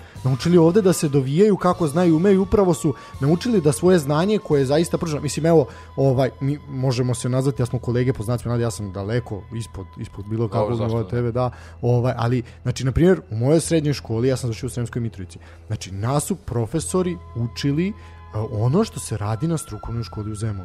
Znači, i mi smo to, znaš, on kad si klinac, pa kao, brate, aj, pusti me, ono, zašto moram da učim iz Boškovića anatomiju, ono, kogod je ikad Reci. držao Boškovića, da, u ruci, znao čemu, čemu pričam, da. ovaj, da je to knjiga onako kad se orman nakrivi pa da po, podgurneš malo, ovaj, na, ali onda kad dođeš i kad dođeš u klub ili kad tako nešto, ko što sam ja imao prilike, ovaj, i masa mojih kolega, ovo, ili kao, pa kao, znaš, ali ja i sa srednjom školom ja znam da uradim posao, znaš, a forsirali su me, e, to je ta priča, i gde god da se pojavim, neću se obrukati. To pa je... A evo, reći vam jedan podatak, mislim, svaki moj kolega koji ovo sluša i koji zamišlja sebe nekad u nekom inostranom klubu, ja ću im reći da nije isto kao što je kao kod nas. Odgovornost je ogromna. E, noći su neprespavane dešavalo se, stres je na maksimumu, jer e, mnogi se pitaju koja je to razlika između bolničkog terapeuta i tog sportskog, zašto je to? Ja sam im tada objasnio da je velika razlika. E, uz dužno poštovanje našim kolegama koji rade u bolnici. I to je isto težak posao. Krv je to krva, posao. Krva, naravno. Krva. Ali opet, e, taj stres koji se doživi u sportu i taj pritisak koji imate nije isti. I tu je samo razlika. E, ovde upravljate s igračima koji koštaju ne znam koliko miliona i e, za kog stoji i menadžerske agencije i klub koji ga je angažovao i platio da. i na, navijačkog sveta se očekuje da on zaigra da da možda gol i da u ključnom momentu bude dobar defanzivni vezni igrač. Nije bitno koja pozicija, ali da kažemo da je ključni igrač i da vi uh, u tom momentu ga ne vratite na vreme. Ja ću vam reći podatak u Nemačkoj. Za jednu grešku dobijete otkaz. To je istina. Znači, nema tu opravdanja, pa nisam stigao da uradim ili zaboravio sam, prosto nema, e, nema prodanja, dobije no, se otkaz Ti svoj odmah. posao nisi uradio i kraj. Tačno tako, nisi da, postoji, postoji, uradio ne, postoji neka vrsta odgovornosti. Ne neka, ne neka nego to je ozbiljna odgovornost. Jer vidite, ja sam u Makabi Tel Avivu, koji je gazda kanadski, ajde da kažem, jevrejski kanadjanin je i multimilioner je čovek, za razliku od gazda iz Pavka koji je uvek tu uz klub, taj gazda Makabi Tel da dolazi samo kad se pehar uručuje i tad ga vidite, mislim, prosto. On čovjek ima svoj biznis, investira u klub, ima drugi ljudi iz kluba koji rade, ali tako funkcioniše. E, mi smo morali, znači, da kao medicinski blok na nedeljnom i mesečnom nivou dajemo izveštaje zbog čega se taj igrač nije vratio u datom momentu, koji su razlozi, šta je to što nas je omelo i da li je problem u igraču ili u nama. Za sve ste morali da potkrepite dokazima. Inače, u suprotnom, više niste tu. I sad zamislite, kad vi, kad je igrač i svestan toga da je zaštićen, može da iskoristi svaki jedan moment protiv vas. Tako je, mislim imamo primer našeg našeg ovaj drugara kog ćemo isto pokušati da da dovedemo, ovaj dečko koji radi uh, isto pri klubu, mislim da je trenutno na Tajlandu ili ono nešto, ali on kao naš, kaže i on je meni rekao, kaže, vidi, ja ono tri puta mesečno ono rezervišem avionsku kartu ili imam osjećaj da ću dobiti otkaz. Znači da je to to, napravio sam neku glupost ili oni misle da sam ja napravio glupost ili grešku, ja sam već rezervisao kartu i onda kao, a ne, ajde kao, ok je, znaš kao prošao je izveštaj i onda ono, ono daj da vrede mi vrate pare nešto da mogu da... Evo ja ću vam reći, e, ja ne znam kako je na Tajlandu, ja sam bio u ovim drugim klubovima, ja ću vam reći kako to funkcioniše jedan radni dan. E, ako je trening u 9 sati, vi morate da budete na bazi u 6 znači 3 sata ste ranije, da organizujete sastanak sa medicinskim blokom, da analizirate prethodni dan e, kakav je bio, da se pročita Wellbeing, znači koji igračima se dobijaju poruke kada ustanu, automatski se aplikacija šalje poruku na par pitanja, znači kako su spavali, da li imaju nivo stresa, koja je e, težina treninga bila, znači od 1 do 10 se ocenjuje i oni odgovaraju na ta pitanja. Na osnovu tih pitanja koje su u Wellbeing, vi e, vidite taj dan, znači dva sata pre treninga morate da dobijete sve izveštaj. Vi vidite, pošto ima aplikacija, zove se SAP, kojom kontrolišete sve. Vi pogledate tu analizu i vidite možda je to neko od igrača loše spavao. Ovaj jedan je rekao da ima neke bolove, prijavio je putem aplikacije. Kada dođu na trening, vi imate maksimum 10 minuta da obiđete sve igrače, da iskontrolišete zbog čega se šta da odlučite i 45 minuta pre početka treninga morate dati izveštaj šefu stručnog štaba zbog čega ne trenira, koji su razlozi, koliko će biti van. To je svaki dan. Kada se završi trening, naravno idu pripreme kada počinjete pre treninga idu pripreme, naravno da se neko masira pripremi deo vežbe, Uh, sve pa da, te prateće isto kad je neko u redovnom treningu i kad neko Tako, se vraća iz znači, povrede. Znači, ako još nekog imate koji je bio povređen, onda individualno radite, ali s obzirom uh, da se u velikim klubovima kojima sam ja bio, bilo je uh, dva terapeuta, ja kao glavni i četiri masera, s tim brojem ljudi se zatvara ceo, cela priča, što u Srbiji imate možda maksimum dvoje ljudi. Da li, si, da li si kad si bio u Makabiju, da li je to bila ekipa koja je bila zadužena samo za prvi tim ili ste imali... Samo za prvi, samo prvi tim, samo za prvi tim. Imate posebno za omladinsku školu. Za omladinsku školu imate malo manji broj, na primjer imate troje ljudi, dva masera i fizija i doktor. Ali to je za omladinsku samo za omladince. Imate organizovane i za mlađe kategorije. Da li je u toj ekipi koja je bila s tobom, ovaj, mislim, kad kažem ekipi, mislim na jel, taj ovaj, stručni kadar, ovaj, da li je bilo ovaj, Izraelaca ili su bili mahom, makom stranci? Ja sam jedini bio stranac. Jedini stranac. Ja sam jedini kao šef bio stranac, ostalo su sve bili ljudi iz Izraela. Uh, Kako su se oni ponašali, obzirom da im je šef stranac? Pa to je i u Pauku i da. u Makabiju bilo jako otežavajuća okolnost za mene jer oni vas prvo prihvate kao je nekog neprijatelja, u smislu došao je neko sa strane pa ti uzeo da posao, da dali su mu platu, verovatno neku veliku i sad će on nas da ovde riba. Vi ako ste e, menadžer tog medicinskog bloka, vi morate bukvalno da vodite računa i na religiju, i da analizirate svakog svog kolegu. To sam htio da te pitam, pogotovo ali kad završi, pa da. Jer e, ukoliko napravite jedan propust, možda vas i ne bude još na toj poziciji kako si se snašao? Ajde, znaš, ono kao Grčka je dosta slična nama. Pa nije slična.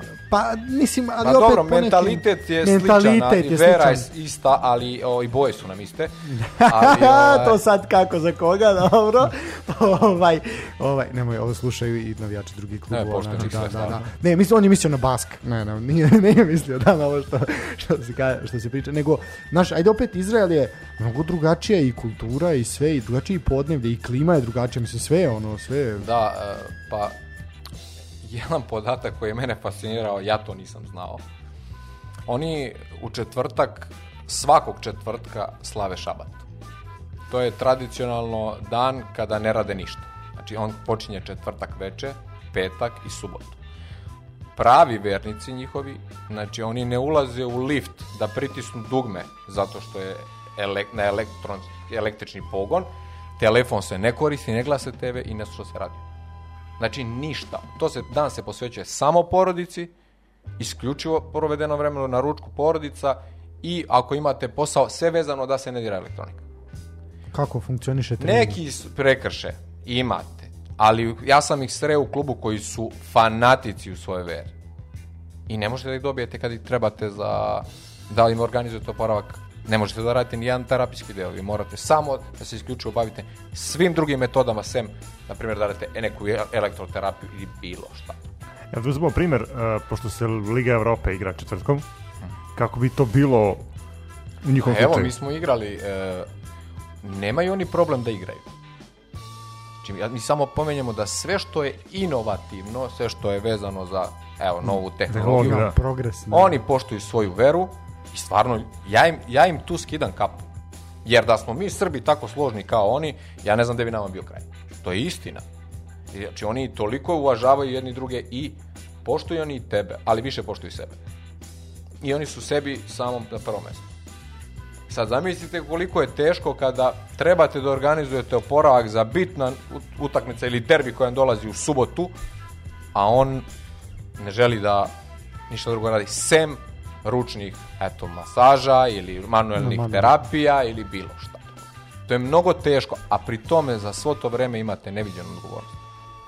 E to je za mene bio šok, e, ogroman izazov, ali eto, kažem, pitali ste me kako sam se uklopio, pa ja sam prosto shvatio da razgovor možeš, normalni razgovor možeš sve rešiti. I u početku je to za mene bio problem, jer ja nisam bio baš prihvaćen kao stranac. Jer to je, ja sam prvi i u Pauku i prvi i u Makabiju stranac ikada koji je bio šef. Tako se pogodilo. I nailazio sam na razne spletke, ali dok, naravno, ja sam imao podršku i stručnog štaba i, i sportskog direktora i gazde kluba jer su stali iza mene. Verovali su, znali su šta sam ja iz prethodnog kluba napravio. Oni, su sve, oni sve dobro provere pre nego da dođete. Znači oni neće prihvatiti svako, oni sve dobro provere, pa tek onda i svu tu metodologiju rada koji sam ja sproveo tamo i taj sistem je urodio plodom tada kada sam ja prvi put obio razgovor i rekao im ali ljudi shvatite, ja sam ovde i zbog svog uspeha, i zbog vašeg uspeha, i zbog uspeha celog tima.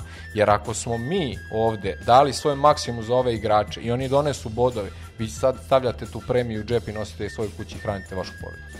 Ako smo mi ovde nesložni, imat ćemo problem neko od vas će da izgubi posao. Ja sam sada na ovoj poziciji, ali ja ne bih da dolazim u neprijatnu situaciju. E onda su oni shvatili to kao jednu dobronamernu poruku, pružili su im jedan drugima ruku i počeli smo stvarno da radimo. I stvarno ispoštovali su sve. Jesu malo lenji više, ali su radili. I mi smo napravili izuzetan uspeh ne kažem da je medicinski blok samo zaslužan za tih 30 bodova ne, ali završenog kao prvenstva, ali, sistemu, ali da. ta nit, ja uporno govorim svima e, da je medicinski blok je zlatna nit između stručnog štaba i igrača. To je jako jedna, jedna spon, spona koja je važna. I to treba da se poštuje. I zato je meni krivo kada kolege koje imamo ovde e, doživljavaju u masi slučajeva neprijatne situacije tako što im odmakuju rukom, smatraju ih maserima, a oni su fizioterapeuti jer u Srbiji se ne razlikuje šta je fizio, šta je maser. I to je generalno problem.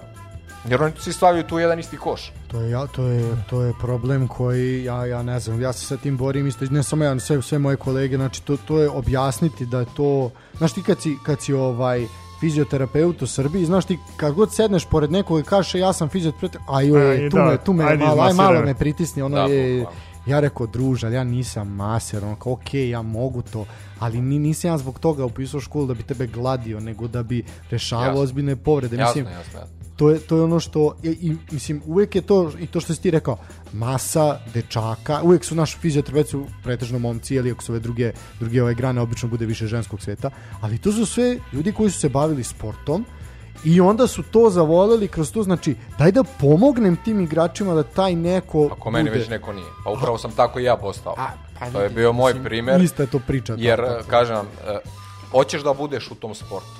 Živiš da i taj fizioterapeut sam doživlja isti adrenalin Tako kao i trener. Je, kad padne Jer kad gol, padne da. gol, ja ne mogu vam opisati tu sreću. Tako e, Kad i primite gol, ta tuga se deli.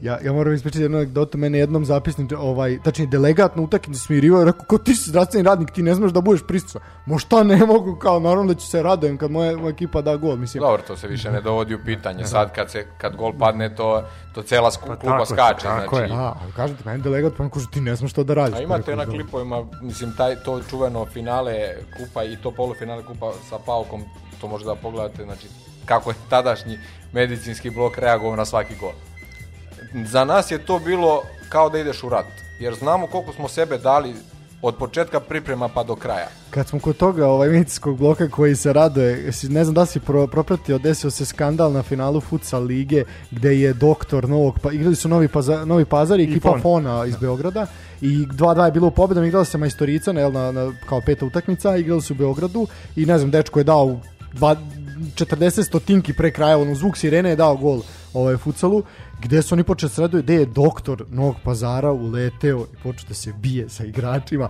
gde je na kraju sišao čovjek iz publike i nokautirao doktora i onda je doktorska Dobro, ekipa ja, drugog, da. Znaš, to, to, je, to je ekstra. Pa ja osuđujem takve stvari, pa. iskreno. Mislim, ne, i mi osuđujemo, ali... Mi smo osudili ne, ništa, ja, da, ako je bilo koji zdravstveni radnik, mislim, položio Hipokratovu zakat on treba da zna neke kodekse ponašanja. Če. Znači, ja razumem radost, ali agresiju bilo kako ispoljavati je e, užasna. Ja, ja ću vam reći podatak da sam, evo, taj Makabi Tel Aviv sa Hapoel Tel Avivom se ne podnosi. Njihov igrač se povredio. I ja sam, i naš i njihov igrač u sudaru. Ja sam u tom momentu procenio da je naš igrač u redu, ali video sam da njihov nije. I u tom nekom perifernom pogledu sam shvatio da taj kolega ne snalazi se. I priteko sam mu u pomoć. Ja sam u tom momentu bio osuđen što sam pomogao. Zbog strane navijača. Da, zbog Ali kad su shvatili veličinu, ljudsku veličinu treba pomoći, bilo je pozdravljeno. I ja uvek to kažem svim svojim kolegama. Kako god da je situacija, niste tu da dižete kavgu, nego ste tu da smirujete situacije. Budite gospoda. E u tome se, e, to u inostranstvu ne možete vidjeti kod velikih timova. Ako, ja sam fasciniran italijanskom ligom kad vidim lekara koji ulazi u odelu. Meni je to stvarno nivo. Ozbiljan nivo. I onda kažeš, pogledaj to kako to šmekerski izgleda. A mi ono ulazimo u kopačkama trenerci. Ali onda sam prvi put kada smo igrali sa Fiorentinom vidio da njihov lekar nosi neke cipele koje su specijalne, imaju krampone u odelu i ulazi i tako sa stilom sve brzo to rešavaju i kažem wow, zašto ću ja ne bio jedan deo ovog jednog dana? Jer stvarno oni pokazuju nivo. E sad, da li će to ikad zaživeti kod nas? uvek se govori u Srbiji, ma da, to se nikad neće, ali ajde da pođem ja od, od sebe, pa daj da pođemo i nekog gledaca, pa daj, da, daj ljudi da nešto promenimo, jer uvek se govori u Srbiji, ma znaš kao u Srbiji to nikad neće, ma daj, znaš ti kako je to kod nas, pa daj ajde da promenimo nešto, daj ajde, da, ajde više da stanemo da kažemo je super, ajde sad da uradimo nešto drugačije, ajde da, da pomognemo tim, ajde da podignemo svest i tih, daj da te mlade terapeute škole zaposlimo u te klubove, daj da damo bolju budućnost time podižete nivo i, i, i sporta. Ali, Tako je, mora, se, mora se, da nešto... se, moraju se svi nivoji, to je, to je zakon spojenih sudova, znaš, mora sve, ja. sve se podići da bi se, da bi se podiglo. Uh, dobro, Ovaj, da, ima stiglo, ajde još jedno, jedno pitanje, pa ćemo ići, pa ćemo ići ovaj, na kratku pauzu, pa ćemo onda pričati malo i o ovome što se dešava trenutno na evropskom prestolju, smo nekoliko ozbiljnih, ozbiljnih povreda ovaj, i uopšte, ajde u Eriksonu računamo kao povreda, ali bilo je baš i povreda, ovaj, i danas jedna bila ozbiljna. Uh, pitanje je bilo, kaže, gde, gde sada, gde sada trenutno, koji ti je trenutni angažman i kakvi su planovi za budućnost? Pa, e, trenutno sam bez kluba, pošto je s obzirom na ovu koronu, mi smo iz Makabi Tel napustili kad je bilo najveće Ste bili primorani da odete? Pa, ili? E, gledajte, nismo bili primorani, nego prosto jednostavno nije se više osetila ta bezbednost i plus to raketiranje koje je postajalo iz Gaze. Da. Nama je već počelo da unosi malo nemir i mi smo odlučili da napravimo jednu pauzu Međutim, tada je stigao poziv uh, Vladimir Ivić da ide u Watford i s obzirom na zastanje u koroni i da uh, ta engleska ne priznaje e, fizioterapeute iz Srbije diplome, jer mi nismo članice Evropske unije, ja nisam mogao da postanem deo stručnog štaba i sada evo čekam, nadam se, ja imam kontakte sa svojim trenerom koji mi je eto, rekao da pokušavamo da nađemo neku novu sredinu, možda nastavimo zajedno, mada ja imam kontakte i sa nekim drugim klubovima e, kojim smo u priči, mislim da ću pametno ovaj put da postupim, možda bi eto, i ostao u Srbiji, ako bi se nešto pametno i promenilo. Ali kažem, imam sad nekih ponuda, razmatram ih, pa ćemo vidjeti. Eto, uz lep, lep odgovor, a naš muzički urednik će sada da nas obraduje nekom pesmom iz naše bogate fonoteke.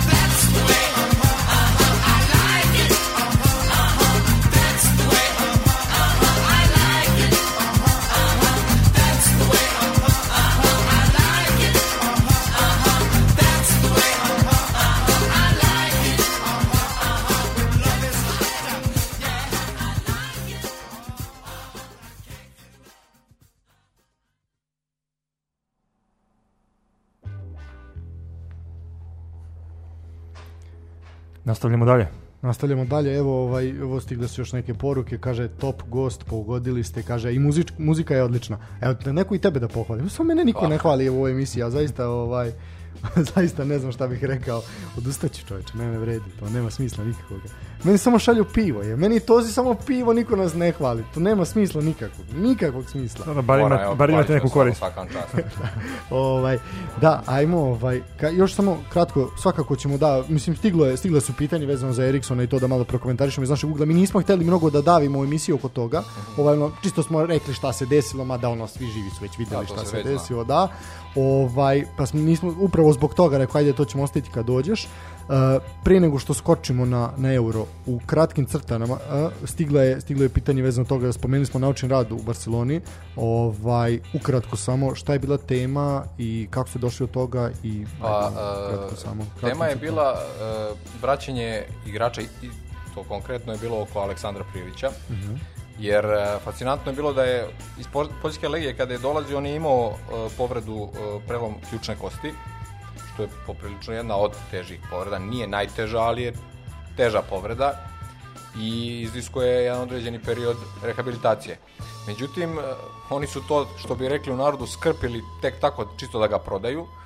I on kad je došao kod nas, na, kad je prošao te testove i preglede, mi smo uočili da, je, da postoji jedan problem oko te ključne kosti i to smo signalizirali klubu, međutim klub je tad rekao vidi uzimamo ga, treba nam špici, to je to. To je postojao rizik.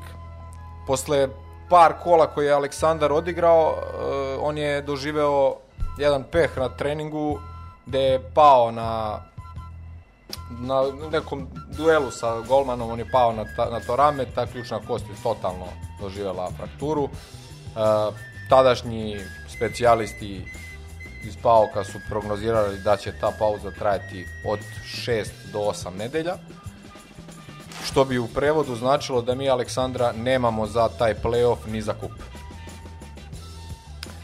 U konsultaciji sa tadašnjim doktorom Pauka i nekim mojim, mojom lucidnosti ja sam smatrao da to ne može da traje toliko dugo i da će se on ranije vratiti ukoliko ga isti dan operiše i u našem zajedničkom dogovoru doneta odluka da se on isti dan kada je doživao povredu operiše i da krene već dva dana kasnije u oporavak. Tada je bila dvonedeljna pauza za reprezentaciju, sad su bile reprezentaciju u to vreme i nama je dobrodošao taj odmor u tu radu.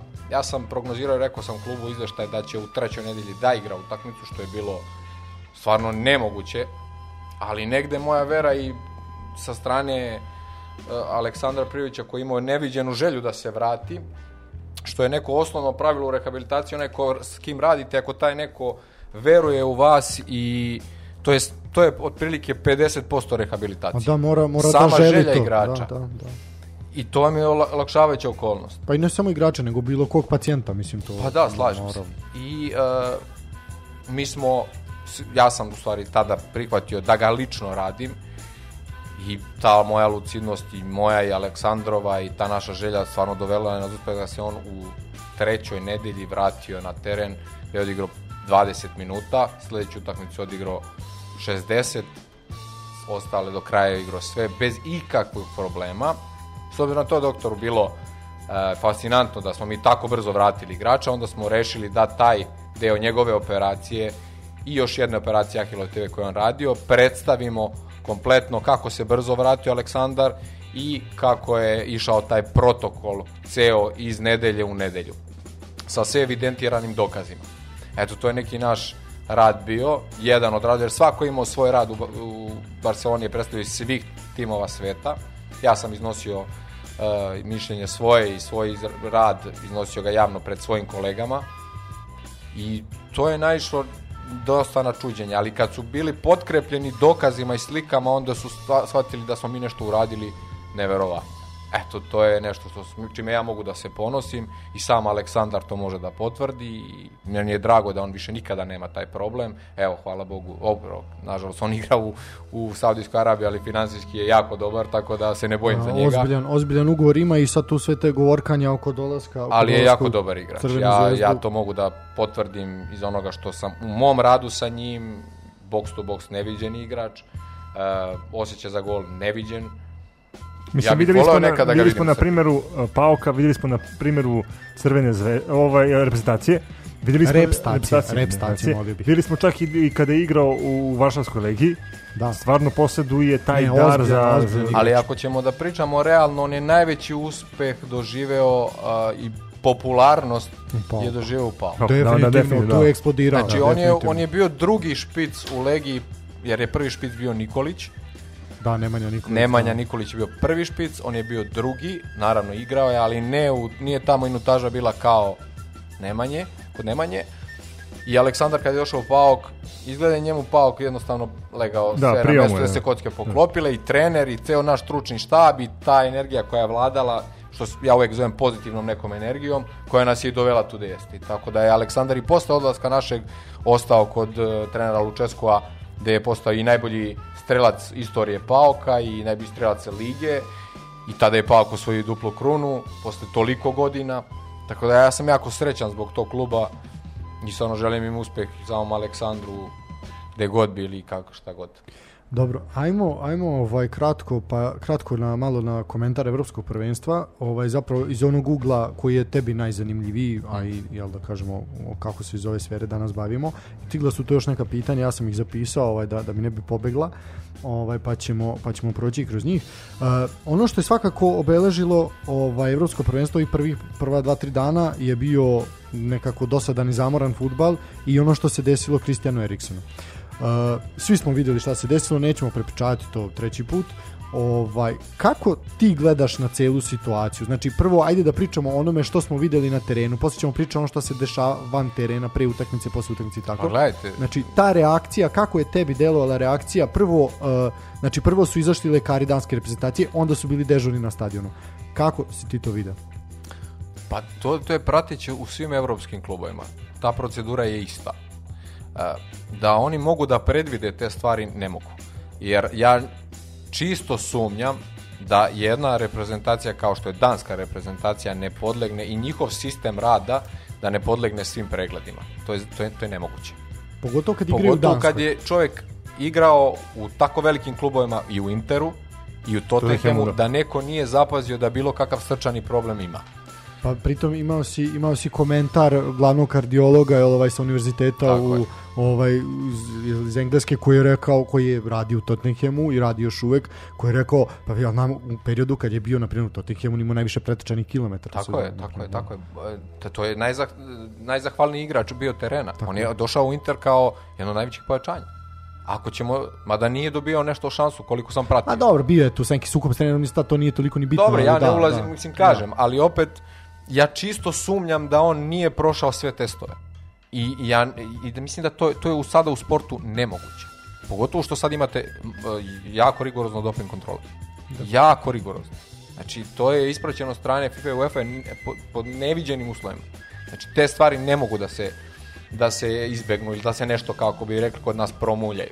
Ali e, to što se njemu dogodilo, stvarno, ja kažem, E, hvala Bogu pa su pravi ljudi bili u, u, u datom momentu. Mislim da ta, taj medicinski blok e, kluba je... Reprezentacije, reprezentacije. Izvin, da, da, da, pardon, reprezentacije je blagovremeno reagovao, međutim da nije bila podrška a, ambulante da, dežurne ekipe. Dežurne da. ekipe i lekara mislim da bi ne znam kako bi se završilo. Pa to što smo mi i ove, ovaj, napomenuli, on je da. imao sreću da se taj nemili incident desio baš ovaj u Danskoj. Da, da, da. I mislim da je Danska cela javnost bila uključena u njegov slučaj a, i tako, to je u ovaj na kraju pomoglo da Ne, a dobro, da mi sad pričamo o samo intervenciji da, da, da. na terenu. Uh, jedna stvar koju sam ja primetio, a to je prednost naše zaostalosti. Uh, kod nas sanitet može da uđe na teren.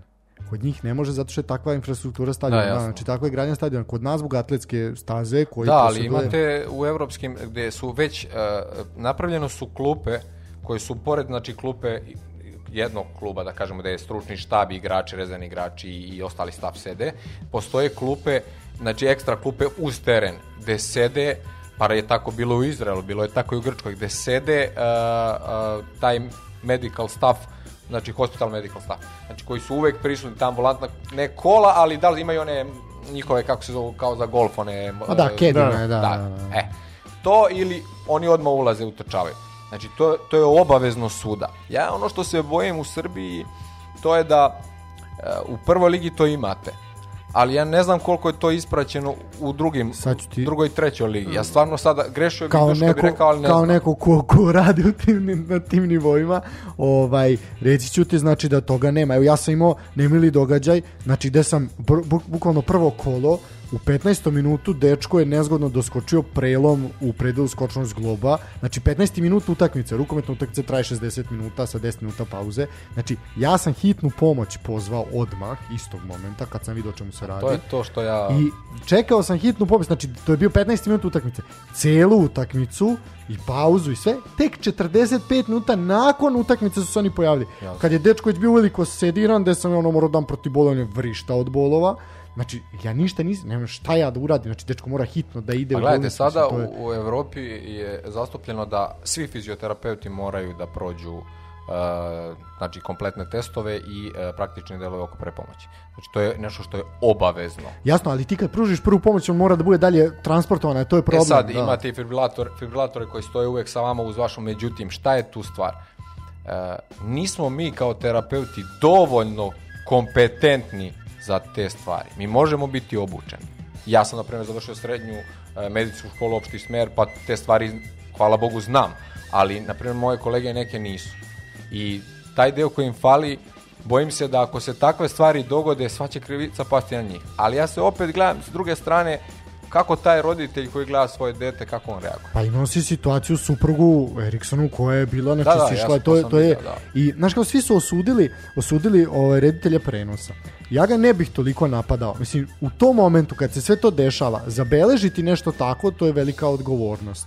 Uh, naš UEFA ima to pravilo kad su neki nemili događaj. Videli smo, na primjer, povreda Fernandeza u Rusi, iz Rusije, ne znam ako si vidio, ne, ne, jako da, nezgodan pad, da, jako je nezgodan udarac. Či znači, čovjek je prvo, prvo je skočio, ne normalno, on je odskočio 2 metra u visinu, jel samim tim disbalans u šta je pokušao sa loptom, jel prešle su noge preko glave, ozbiljan pad, ozbiljan udarac. I odmah video si da je kamera odmah podigla se da se to ne snima. S ove strane mislim da su ljudi bili u šoku. Ali to uvek ima zabeleženo, to da znate. Pa ima, da, ali ne ide, kluba. Ali ne ide u direktno te prenos. E pa to, to da, se da. slažem. Gledajte, da. ja e, sam imao, sre, mislim, imao sreću. Mi smo to insistirali i tražili smo da svaki trening bude zabeležen, znači snimljen. Z razloga, ako dođe do nekih povreda, da mi možemo, da nam analitičari seče moment kada se povreda i kako se desila. Jer je to jako važan deo za nas koji se bavimo tim. Znači, analiza kako je nastala povreda, da bi mi mogli da nešto opravdamo ili obrazložimo zbog čega je došlo. Jer ćete vi, kažem vam, kada imate odgovornost, kada radite u velikim klubovima, tražit će vam dlaku jajtu da objasnite sve zbog čega je nešto došlo. Razumete? Iako je nekad da. teško objasniti. Znate, tražite neke izgovore. E, ono što je ovde kod nas prisutno, bar je bilo, možda sad ja dugo nisam ovde u Srbiji, ali koliko sam razumem, ne, nešto se ne menja puno je da se odgovornost e, prebacuje kao ping pong. Nisam ja kriv, kriv je on, kriv da, je da. ovaj, da. kriv je neko, drugi, da. neko drugi. A, zato ja i govorim, platite nekoga i dobro ga platite, ali tražite mu onda maksimalnu odgovornost. I to je, to je legitimno i to je, to je ispravno. I zato smatram da ako ljudi u Srbiji, evo naša Superliga Srbije, bilo koji klub zaposle određeni broj ljudi, kvalitetnih momaka, pa i da zovu na praksu da dolaze mlađi, da se uče, da dobijete naraštaj nove generacije koji će dolaziti da ih zamene, je prava stvar za sport, za igrače i za klubove. Samo što... Nemojte samo da se štedite na tom delu, jer taj deo je jako važan. Uvek ćete čuti svakog futbalskog stručnjaka koji će vam reći oporavak je jako bitan Da, jeste, jako bitan, ali koga ga sprovodi? Na koji način ga sprovodite i gde ga sprovodite? I koji su to uslovi? Nije masaža sve u, u sportu, pa samo rešio sam, oporavio sam ga iz masirao. Ma ne, to nije jedina stvar. To je samo jedna, jedna, jedna, jedna Pa to je samo da teža kažeš, samo u celo. Ali to je to je neka da kažeš ono osnovno, bukvalno osnovno, znači pogotovo što je tehnologija ovaj mnogo je napredovala. napredovala. Prvo da, da se razumemo, poređet, porediti futbal iz 2003. i sad 2021. je nebo i zemlja. Porediš Možda iz način, mi smo pričali o dresovima, poredi način izrade dresova pa 2000 recimo, da, ajde, kopačke su još kao moraju imati neku tehnologiju. Se sjećate vi možda uh, perioda kada se u, u medijima jako pisalo o tome da E, je masa, veliki broj povreda bilo oko prednjih ukrštenih ligamenata kod da da, da, da, da, E tada su u Nemačkoj došli do istraživanja da su sami pozicioniranje krampona na kopačkama to izazivali. da. E, mislim, ti možeš objasniti kako dolazi do pucanja prednjih ukrštenih pa ligamenata. Gledajte, Koji pokret e, je bitan zapravo? Gledajte, znači pozicioniranje samih krampona ako su kao žileti, kada vi sta, stabilizirate nogu, znači ajde da kažemo da je jedna stajna noga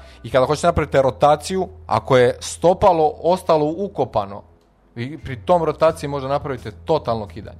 Zavisi od sveke, da se razumemo, to zavisi i od konstitucije samog e, sportiste. I genetike i, genetike, i, svega, i svih da. stvari, jasno. Da.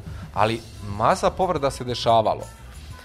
Danas ja razumem mlade, mladu decu koja dolazi i roditeljima traže da im kupe kopačke kao što nosi Ronaldo, kao što nosi Messi. E, svi misle da je to isto. U stvari nije isto. Oni, ob, e, boja, kopački izgled sam je isti, ali suština pravljenje nije ista. Ja sam bio prisutan u Bayern Minhenu i bio sam gost Bayern Minhena i imao sam eto, tu sreću da radim sa Jerome Boatengom kad je imao povredu. To je bilo u pauzi između Paoka i Makabija i ja sam posjetio trening centar e, Bayern Minhena i bio sam stvarno fasciniran. Verujte da sve kopačke koji iz Adidasa stižu ili ugovore sa kojima igrači imaju, pravi se po njihovom anatomskom stopu. Znači, prave se ulošci, prave se kramponi, da li se prave miks sa određenu travu, znači sve ima zašto i kako se nosi. A dok mlada deca, ova, oni samo da imaju tu istu kopačku, ja razumem da to iziskuje novac no, roditelja, da. ja, se, ja to razumem. Ali ako ćemo da vidimo da li je u Srbiji postao trening da svi budu kao Novak Đoković, da sva roditelji šalju decu na tenis, a izuzetno je skup sport, da se ne lažemo, e, onda taki roditelji koji imaju, bar vodite računa da decu često šaljete da se kontrolišu. Da li su im ravna stopala, da li im je kriva kičma, kako se dete razvija. Bavite se decom. Pogotovo kad dođe u taj period da toliko imel, ovaj da muskulatura ne može da isprati rast. To Naravno. je naj, najkritičniji period kad dolazi do krivljenja kičme to je u pubertetu se... najviše da, se da, dešava. Da, tako, znači kada deca to je faza prelaznog kada kosti eh, ekspanzivno rastu, ali mišićne grupe to ne mogu da prate i onda da, dolaze do raznih eh, problema. Evo ja sam skoro od jednog mog prijatelja sin eh, je imao jednu težu povredu dete ima sada 13 godina, on ima totalnu avulziju ovaj, zadnja, e, zadnja ložina, znači na sedalnu kost koja je odvukla je totalno, totalna je bila fraktura, avulzijona fraktura i e, pitanje je bilo kada će da se dete vrati. Pa nije bitno kada će dete u 13 godina da se vrati, nego je bitno da se on dobro oporavi da bi nastavio zdrav, pravilan razvoj i način za dalje. Kada će on da spa igra on ligu šampiona, nije on sad Messi pa sad zavisi sve od njega da on da, mora. Da, ima ostatak e, taj života. Taj deo da. kod da. roditelja s kojim sam se ja susretao u svojoj karijeri je da, da i, i tih, eto da kažem, i, i, i menadžera okolo koji presiraju sve to, da nešto mora čekajte ljudi, ajde da izvedemo decu na pravi put, da ih naučimo da pravilno hodaju, da trče pravilno, da, da, da zavole taj sport. Nemoj samo iz interesa. Uspeh će doći ako si upravo. Svakako. To je ono što smo pričali i sa Vladanom, imali smo gosta de, momka koji ovaj trenira trenira u hokeju klubu Vojvodina koji al, bavi se i decom dosta, najviše se bavi decom, ovaj, gde upravo to, daj da od njega napravim dobrog čoveka, prvo i pre svega, pa onda i sve ostalo. E sad, ajmo, možemo, možemo i na pitanja ovako, uh, kako, znači, upričamo sad o tome, uh, kako funkcioniše, ok, za povrede lokomotornog sistema jasno si da to je bogotac kako funkcioniše kad je nešto problem igrača što nije lokomotorni sistem, znači da ti kao fizioterapeut, znači može biti od neke ono posekotine, ne znam, ali ima problem sa bubrezima, naši imaju sa jetrom najviše problem, ili tako nešto. E, kako je saradnja sa bolnicama i sa ostalim granama grana medicine? Pa to je sve jako, uporno, malo pre sam, ako se sjećate, pomenuo taj rad u portu, kako ljudi funkcionišu, znači, verovali ili ne, znači, igrač ako ima kvarne zube, pokvarene zube, ima karijes, ima e, predispoziciju kod povreda se e, sporije vraća. To je jedan od faktora koji utiče.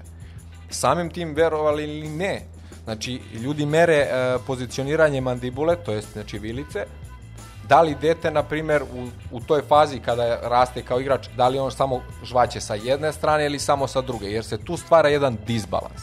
I onda se stvara problem i oko varenja, I onda se sve to nekako u tom cijelom kinetičkom lancu što je uvezano, jedno sa drugim vezuje.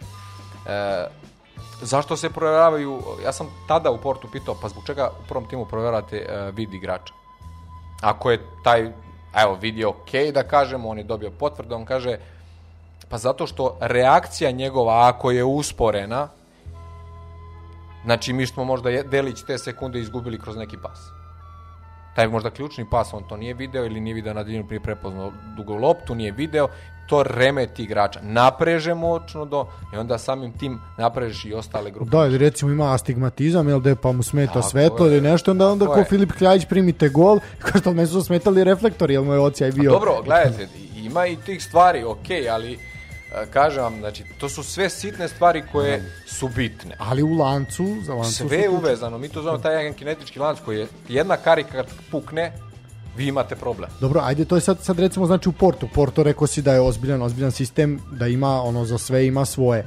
Kako, šta se dešava sa klubovima koji nemaju svog oftalmologa, koji nemaju svog nefrologa, koji nemaju svog internistu? A moj savjet svim klubovima ovde da E, sada je definitivno, mislim, evo koliko pratim jako z medije, svi klubovi su obavezni da idu na, na lekarske preglede, znači da, pro, da prolaze sve testove. Da. da. E sad, ja ne znam i nisam, kažem, nisam bio dugo tu, da, da ispratim kako u jednom futbolskom klubu sada to se prati. Kako je, na primjer, bilo u Izraelu i u Pauku? Kako, u sara, je, kako je saradnja sa, sa ostalim bo, sa bolnicama? Znači, kako, kako, uh, kakva je ta saradnja? Znači, sad imaš nešto što ne možeš ti da rešiš u klubu, kako ga šalješ na, na neki pa, naredni gledajte, nivo lečenja? Mi, kroz naš dugogodišnji rad, znači, upoznamo i steknemo dosta prijatelja iz i ortopeda i ajde, svih grana medicine i tada s obzirom uvek vi čujete kad je neko dobar, glas je daleko čuje da. dobro. I onda napravite taj kontakt. Kada imate problem i ustanovite šta je, pošto vi niste kompetentni za sve, vi ga šaljete. I onda postoje raz, u raznim zemljama, evo ja ću ovim putem da pomenem jednu moju jako dobru saradnju sa možda jednim od najboljih lekara na svetu, to je Sakario Rava, koji operisu i Ibrahimovića. Ja sam s njima, evo, druga, druga godina već kako sarađujem, imamo jako dobre odnose. Konekciju smo uspostavili tako što smo jednog igrača postali, pa kad je došao na kontrolu video naš rad rehabilitacije, bio je izuzetno iznenađen i tako se izrodila znači, i kontrolisali su vas šta radite? Da, da, obavezno. Znači, kontrola u narednih godinu dana je, znači, na svakih meseci dva vi šaljete izveštaje. Da se to prati kako to ide, taj oporavak.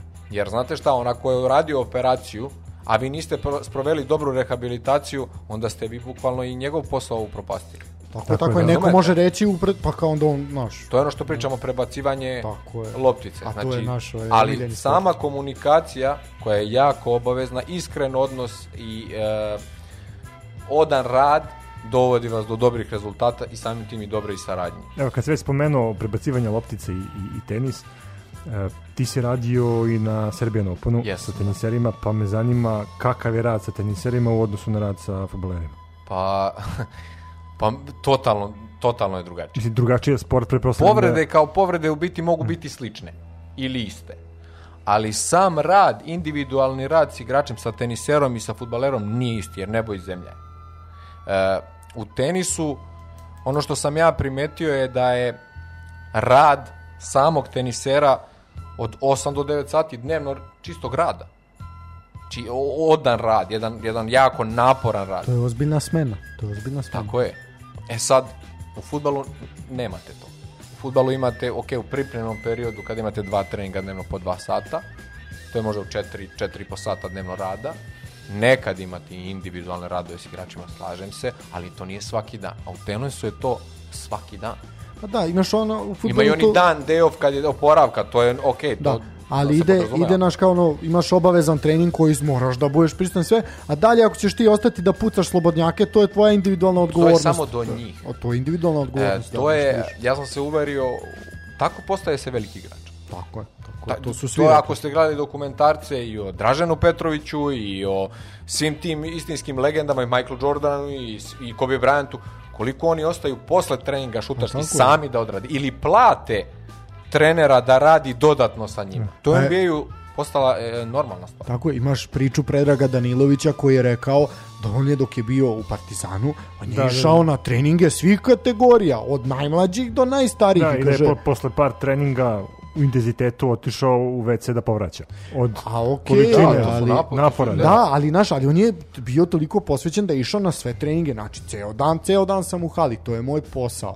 Pa Razumem? Pa tako, ga, ako ste slušali zadnji intervju Željka Obradovića, Željko Obradović je naš najbolji trener svih vremena. Apsolutno. I za mene, ja sam imao sreću da ga upoznam u Izraelu, jer je išao sam da gledam utakmice Makabi Televe u košarci, isto je doživljaj i tada je uh, Fenerbahče dolazio gostovao, s obzirom da sam ja prijatelj sa Slukasom, košarkašem, ja sam Željka znao samo sa TV-a, ja nisam imao prilike, iako smo iz iste zemlje, da ga upoznam. E, onda sam ja preko tog mog igrača zamolio ga da me upozna sa Željkom, eto čisto da ga pozdravim i da poželim dobrodošlicu. I mi smo tu par navrata porazgovarali i on je pozdravio mog trenera i žel poželan sreću i onda sam ja postavio par pitanja pa kako se dolazi na taj uspeh.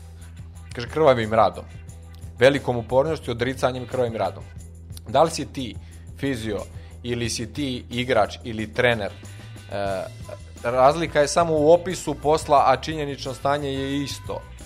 Ne, nenormalno prožrtvovanje. Ja ću vam reći sa moje strane, ako iko misli da je otići u inostranstvo, to samo lepota raditi za neki klub, imate i onu drugu stranu. Vi ne vidite svoju porodicu, vi ste od svojih najmilijih daleko, možete ih samo preko video kola da ih vidite i to ih vidite jedva kad uhvatite vremena i kad vam dođe u posetu ja ću vam priznati jednu stvar, e, moja lepša polovina kad je dolazila u Izrael, znala je, mi se ne vidimo po 3 meseca ali i tih 10 dana, 15 dana koji dođe, videla me možda jedno do da. dva sata dnevno.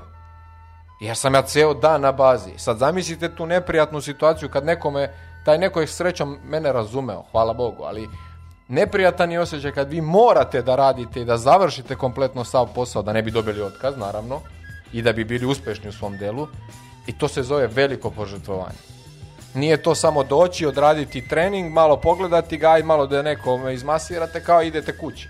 Nije baš to tako. Bar u mom, onom što ja radim nije tako. I ja verujem da isto možda neke kolege koji ne znam da su negdje u inostranstva rade, sigurno dele ovo mišljenje sa mnom težak je to put, ali opet Eto. Krvave to leba, nema pa, socijalno. Da, da, pa da, da, tako, tako. Kad se spomenu košarku i Izrael, mi znamo koliko je Makabi dominantan u, u Izraelu, ali oni imaju, ne znači, znam, znači, da. niz od koliko preko 20 pa. godina su šampioni. Da, da. A, kakav je odnos navijača prema košarci, a kakav prema, prema futbolu? Da li se...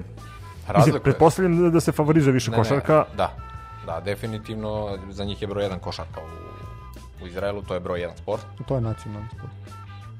Tako je, ali uh, moram vam reći da su se ljudi na tribine vratili onog momenta kada je uh, e, Makabi počeo stvarno da gazi sve redom. Znate, da vi dva meseca pre kraja prvenstva odlučite već ko je šampion, to se nikada nije desilo. I taj rekord koji je Vladimir Ivić postavio i mi zajedno sa njim e, je nešto što više nikada se neće izbrisati iz Izraela.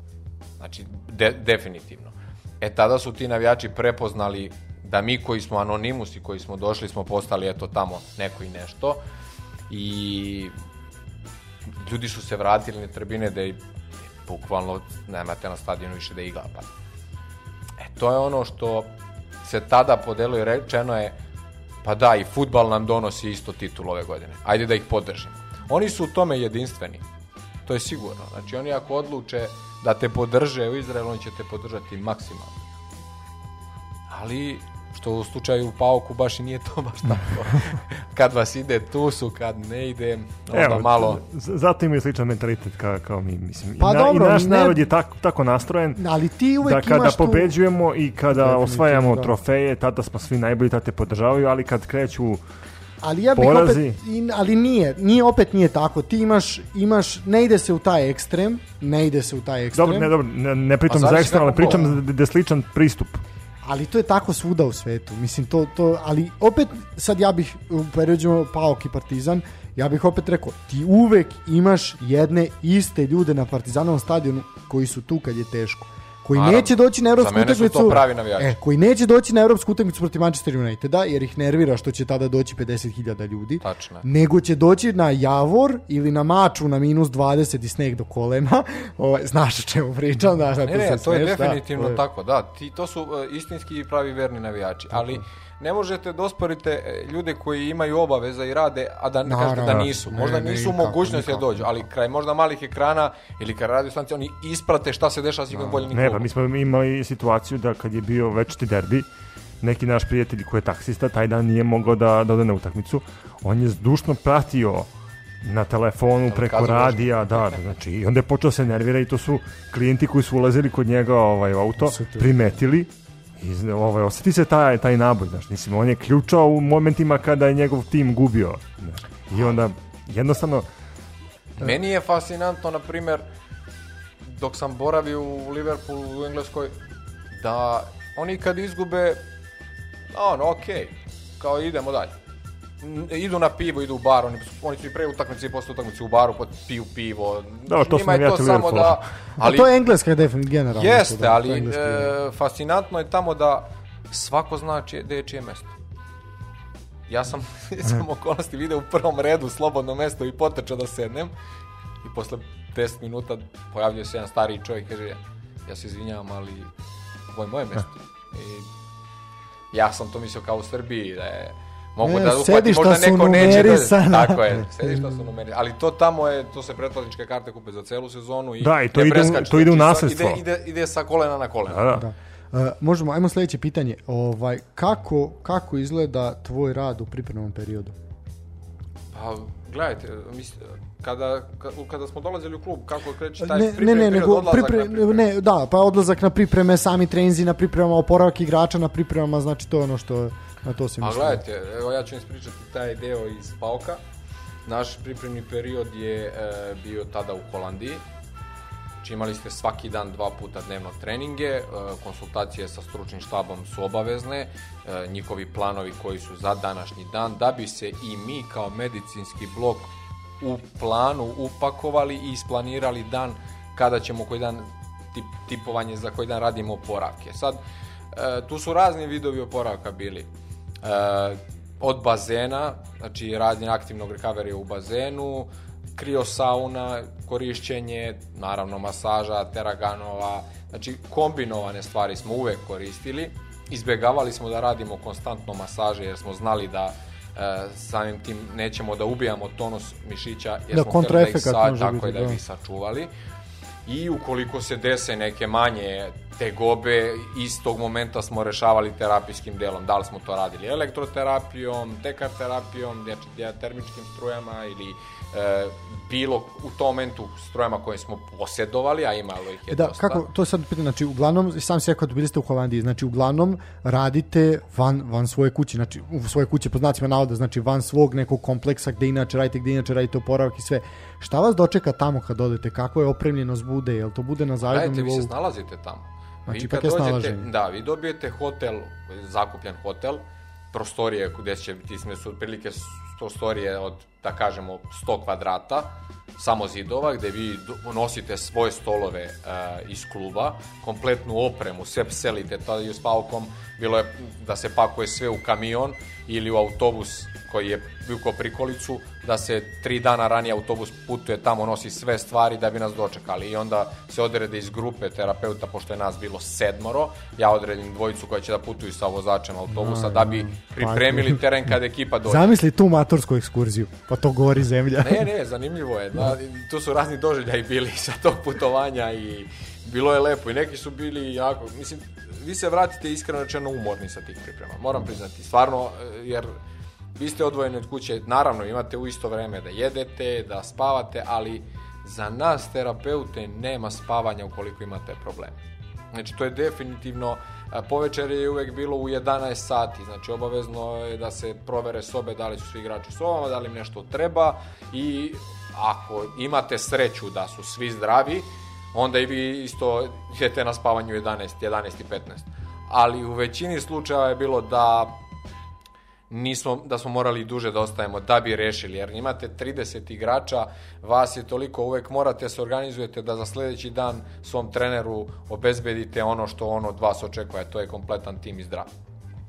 I sad, no, to se je nastojalo, nekad ne, nisu one želje koje imamo i dešavaju se, nema priprema da se ne desi neki problem, ali uglavnom e, debeo radi stoji iza tog pripremnog perioda. E onda kreće vama sezona Da, onda te kreće, te kreće igranka. To gotovo kad igrate Evropu, kup e, to, i to, to. prvenstvo. Kad imaš 3-4 takmičenja. Pa evo, ja ću vam reći, u toj sezoni kada smo bili u Pauku, mi smo igrali, uh, mi smo se plasirali u grupnu fazu uh, eh, Euroligije. To... Da li je to bila sezona kad je Ajax izbacio pauku u play-offu? Je, e, da, mi smo se, to je prva naša utakmica koju smo odigrali sa Ajaxom. Prvo smo odigrali 1-1 tamo da, i, kući smo e, izgubili 2-1 i to nesrećno smo promašili neviđena tri da, zicera, da, da, da. ali bili smo bolji u toj utakmici od u, Ajaxa. U tom momentu, dok se, izvini sa što se preke, u tom momentu, dok, znači, pre, znači dva, tri dana pre nego što će se odigrati ta utakmica u Solunu su naša dva slušalca, naši drugari, ovaj Marko i Živan koji mi pozdravljamo ovaj put, ovaj Živan će nam doći ovde da nam prezentuje svoj diplomski rad ovaj koji je pisao na jednu jako zanimljivu temu i oni su pokušali da odu da kupe kart Nuko kao su rekli, kaže, nema. Kao, po kako nema? Kao danas su puštene u prodaju. Ne, karte su planule u roku da, da, od, ono, od, odmah. U roku znači. odmah. Znači, ja ću ja reći da taj od hotela do stadiona Tumbe autobus je morao da krene dva i po sata ranije. S tim što vi regularno stignete za 10 minuta. Od broja navijača Znači, mini, autobus je bukvalno išao mileo, znači da bi došao do tumbe. Takva podrška, ta energija, ja sam verovao da će Pauk proći. Nije se dalo. Sve je slutilo na to. Da. Nekako da. se, nije se dalo. I toj utakmici mi bili bolji. I taj Ajax je te godine igrao finale eh, Lige da, Evrope. Da. Mi smo, nažalost, Šalke nas je sačekao u tom, kad smo prošli grupnu fazu, a, nismo imali sreće, na Tumbi smo odigrali, e, izgubili smo 3-1, a u Nemačkoj smo odigrali 1-1. Nismo imali tu sreće, opet se poredite s jednim Šalkeom koji nemački tim Bundesliga, zna se šta je Bundesliga i kakvih igrača je bilo, ali izašli smo hrabro, borili smo se i nismo se obrukali. E, da, krenuo si priču vezano za to kako izgleda, znači kad igrate, kad kreće ono, za, zaku, zakuva se sezona, pogoda taj jesenji deo gde imate grupnu fazu nekog takmičenja, pa kup utakmicu, pa op, ono. I mi smo navodili ove sezone primer uh, Rijeke koja je imala ozbiljna putovanja, igrala je Real Sociedad, Napoli, uh, Holandija, Laz Alkmaar i onda plus dve, dva puta nedeljno svoje utakmice koje su još pomerane usled korone, broja zaraženih igrača na koje je ludilo, da ste imali trenera Simona Rožmana koji je rekao, ali ja nemam treninge sa ekipom. Kaže, ja da, da, da. mesec da, dana nisam imao trening sa ekipom, jer idem na putovanje. Nemate vremena za to. E to, to je, to moje pitanje znači, će biti. E, ja ću vam reći, kada se igra u sistemu a, na svaka tri dana, vi da li putovali negde dalje, vi automatski gub, u tom povratku gubite jedan dan za oporavak. Razumete? Vi sledeći dan morate da vratite ekipu i bar da jedan dan pred utakmicu odradite neki lagani trening sa prekidima, taktičkim delovima da trener može da ih da pripremi da za sledeću Da, i to znači čovjek kaže ja mesec dana nisam imao trening sa ekipom, jer kaže odlučio sam da mi je bolje da taj dan ih ne forsiram nego da ih oporavim da ne bimo problema sa povredama. I tu sada moje pitanje ide. Kako izgleda tvoj posao kad se upletu tri takmičenja? Gde, gde je glava u tom momentu? Pitamo, ko je glava? e, da. Pa, gledajte, tu prvo Najmanje spavate u svom krevetu, više spavate u hotelima. Ja sam najmanje spavao u svojoj kući, više sam spavao u hotelima. Znači vi, vi nemate vremena bukvalno ni za Ali ni to za je iscrpljujuće i to je, to je pa problem. Pa jeste, e, zato sam i rekao, e, biti futbaler nije samo, eto reći ja sam futbaler. Pravi istinski profesionalci se odreču svega. A ceo stručni štab isto živi život sa njima. I to vam je kao jedna porodica. Ja sam više viđao te igrače nego svoje voljene osobe više sam proveo sa njima. Mislim, tužno, ali je tako. I sad kad vi nekome kažete e, koliko taj posao tebi iziskuje vremena, žrtvanje svega i kad uporedite, jeste vi plaćeni za to? E onda taj tas, taj balans definitivno nije takav. I e, odgovornost je u tim momentima ogromna. Jer vi, e, ako nemate adekvatan medicinski blok stručnih ljudi, E, da kažemo i brojčan, brojčan, brojčan broj ljudi u smislu na, na taj medical staff koji treba da bude, imate problem kako ćete da, da, da, da oporavite sve igrače. Jer dešava se da, kaže, ajmo prvih 11 koji je igralo, prvo oni idu, a ovi koji nisu igrali da odrade lagani trening. I to je jedini način bio da mi napravimo neki balans da ne bude ljutnje između igrača, jer će onaj neki da kaže, pa dobro, ja sam umoran, nema veze što nisam igrao, ali umoran sam od puta. Dug je da, put jet bio. Lege, da. A ako nemate vremena za njega, onda može i da se naljuti na vas što ga niste odradili. E sad zamislite koliko je teško ako vas brojčano nema dovoljno da vi svima posvetite maksimalno pažnje. Vi nemate vremena prvo. Nešto bi, bi, bi hteli, ali nemate vremena. Dan je prekatak. Da. Tako da. je, tako je. Za vas je jedan ekstra dan kad vam šef stručnog staba da, kao da vam je dao ne znam šta kakav bonus. Jer e, to je, to je značilo i igraču i nama. A i sa trenerima je, njima je mnogo teško, jer kad imate povrede, treba da sastavite tim za bitno takmičenje. Znači, ja uvek govorim, da je najlepše staviti e, trenere stručnog štaba e, na slatke muke, a to je da ne zna kog će igrača pre da oporavi, kad je medicinski blok pravi. Ja ne znam gde sam tačno čuo, ali čuo sam, ne znam u tačno kom klubu, slagaću vas, ali rečeno mi je da su najveći bonusi e, medicinskim blokovima davali onda kad nije bilo povređenih igrača. A to ima smisla. I, ali to je ozbiljan motiv, to je ozbiljan stimulan za njih. I za njihove familije isto. Jer vi zamislite, donosite na jednu platu, donosite možda tri za jednu dobijenu utakmicu i častite ih, mislim častite ih, nego date im bonuse. Da, nagrada, da. Motivišete ih samim tim i onda se oni osjećaju značajno. Tako je, tako. A u Srbiji je to pravilo da te igrač zakiti, u smislu, aje, daću mu, i onda on kao bude zadljen. To je meni ovaložavanje, ja nikad to u karijeri nisam radio i ni, ni, ni to volim, jer za mene A, je to malo Nažalost je u Srbiji, u Srbiji problem ovaj, što tebe taj poslodavac ovaj znači bio to klub, gazda kluba, ako je privatan sad ili sve već kako finansiranje ono struktura funkcioniše. Znači on smatra da je njegova je obaveza da te plati, ali on samo to, znaš, ja moram njega da platim i to je to ja moram, ne moram ništa da ga nekako podstaknem, Motiviše. motivišem da. da on sad uradi to bolje. Ne, nego on voli taj posao koji radi, a ja moram da ga platim, znaš što moram da ga platim. Najbolje bilo kad mogu da ono živi od vazduha i da ja ne moram da ga platim, to e, je e, problem. Ja o tome se i radi, mislim, da. super što si to rekao, ali uporno to govorim. Mislim, sve na, moje kolege i naše kolege koje, ako je ovo čuje, ako neko čuje, nadam se da će se složiti i reći da, e, taj da. Nenad Kovačić možda negde u pravu, jer e, govori ispravno za sve svoje kolege da taj, taj neki bonus motivacija tom stručnom štivu, neka nagrada za njihov rad, dajete nekome pažnju da je neko nešto dobro uradio. Ja razumem da su kritike sastavni deo i treba da ih bude, ako su dobro namene, Konstruktivne, super. naravno. Da. Sve da. ok, ali kada se dobre stvari urade, neka budu nagrađene. Ne od igrača, nego od kluba. Tako je, pokaži mi da sam, da na neki način pokaže da sam odradio dobar posao. Ne mora to biti nužno ni finansijski. Znači, ok, ne, ne mora, nekad je takva situacija da klub nema, da ti da isplati finansijski dod, ali ono, odvedi me na večeru, daj mi, ono, počasti me pićem. Znači, kaži, sti, u krajnju rukom ne mora ni to, stisni mi ruku, kaži svaka čast. Ali nemoj, znaš, nemoj mi... Pa dobro, ali da ti kažem iskreno sad, od tiskanja ruku u Srbiji više nema ništa. Slažem se, ali čak nekad je i toliko dovoljno da ti, naš, opet kaže, e, pa naš, ovo možda, ovo mučenje ima smisla. Ali gledaj, da. to vreme o kome ti sada pričaš, definitivno je bilo u tom periodu, evo gospodina kog sam pomeo, koji nije više među nama, gospodin Rakija Ranđelović, kad kaže mi smo radili bonus za šolju čaja. I taj futbal se igrao za šolju čaja. To je neki bonus bio. Ali to je bila motivacija za koru hleba i to, u to vreme kad je BSK bio. Ali gledajte, je li to bila isto motivacija? Just. Sada se vreme menja. Sad je futbal postao biznis. Ja razumem i evo bilo koji e, slušalac neka vam kaže da li je istina. U svakom poslu ako ne investiraš nešto, nemaš dobitka. Tako je. Znači ti moraš nešto da daš da bi dobio. Naravno i kad daš treba da očekuješ neki rezultat. Ako ne, ne dobiješ, ima ko ti donosi, menjaš ga, imaš pravo na to. I to je, dok i, i naše kolege treba da shvate da za naporni rad koji su dali More. i trebaju da očekuju neku nagradu. U smislu, u redu dobio sam platu, ali je ovo što prekovremeno radim i što sam radio, eto, sreda, sub, subota su utakmice i ja kući ne vidim nikoga.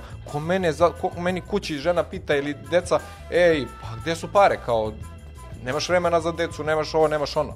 Kako vidiš, kakav odgovor vi da date? Znate, moram da radim. Gde je onda uživanje u svemu tome, gde ti je ta ljubav prema tom postu? Pa naravno, to je, to je najbitnije, znači kad si, kad si miran ovaj, i kad ono stomak nije prazan, onda... Pa, da to upravo o tome ja govorim.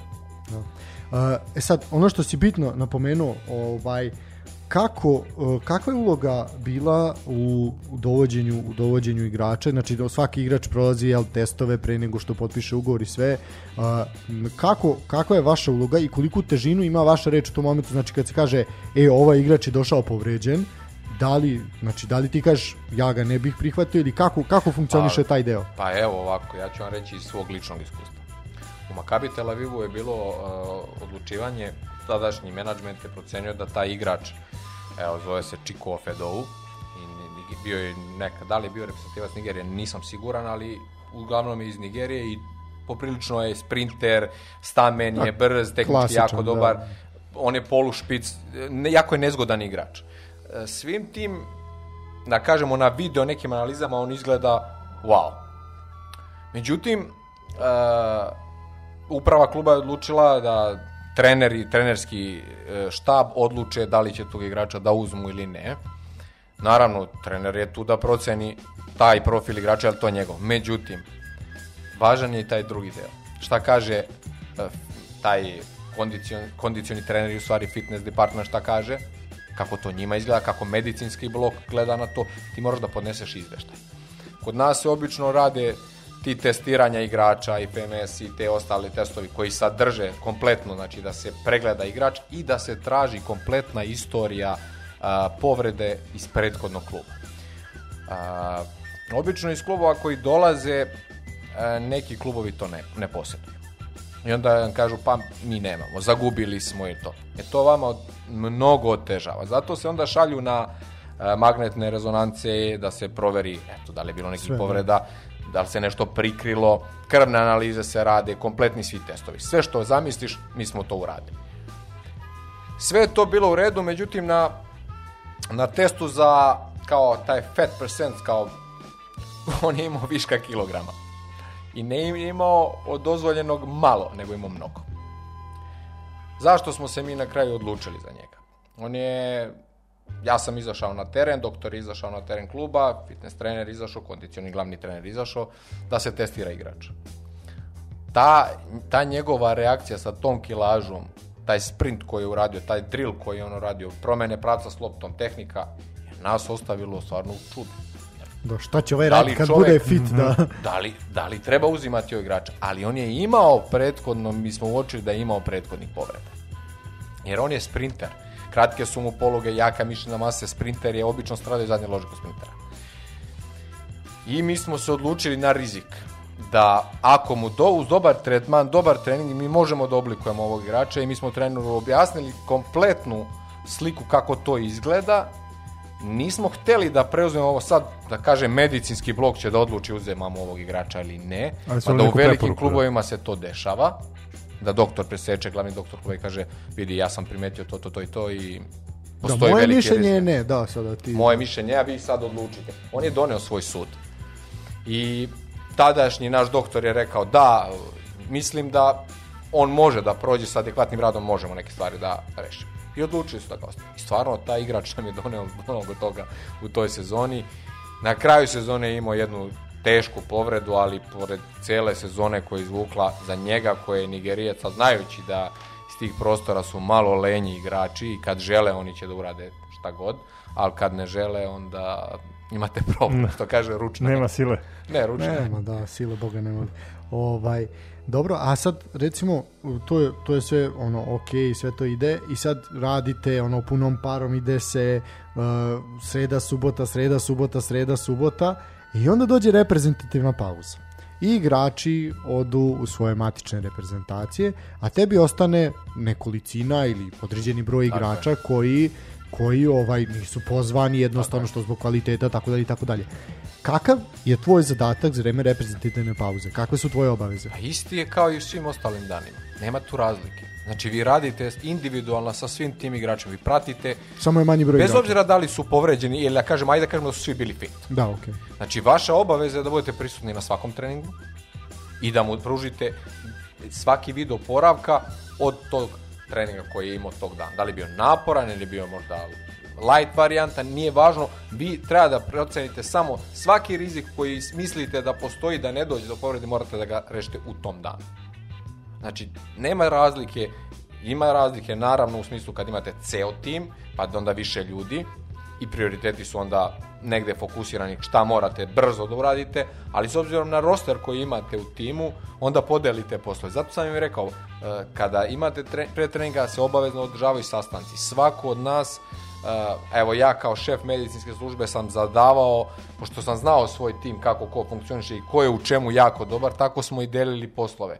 Ti ćeš uzeti, evo uzet ćeš ovog igrača, ti ćeš da radiš ovo s njim, šta ti predlažeš i nekako dogovor između nas vladao i kad donesemo svi zajedno, složimo se to, onda pretačemo u delo tako se naše zasnivali dani. Nekad uvek kada ta reprezentativna pauza dođe, nekad oslobodiš neke terapeute, daš im dan, slobodan dan, dva, da budu malo sa porodicama jer nema smisla. Pa se onda nekako rotiramo ako imamo prostora, ako nemamo znamo šta nam je raditi i onda jedinstveni smo.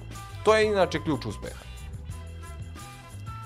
Dobro, dobro, zanimljivo. Uh, I da, stiglo je jedno pitanje vezano za a sad već čuvenu ovaj doktorku Marijanu koja je ovaj lečila po Beogradu. Ovaj sećaš se to je bilo pre no aktualno. Da, da ovaj pre pre jedno kad je to bilo aktom? Pre 10 godina pa ima tako, da. recimo, da. možda otprilike da. Mislim da je bilo aktualno pre svetskog prvenstva. Da, recimo ono, ono aktualno i sad. Da, ali ali ono u tom jednom periodu su baš ono mediji forsirali mm. i mhm. sve to i sve ovaj čemu je tajna uspeha?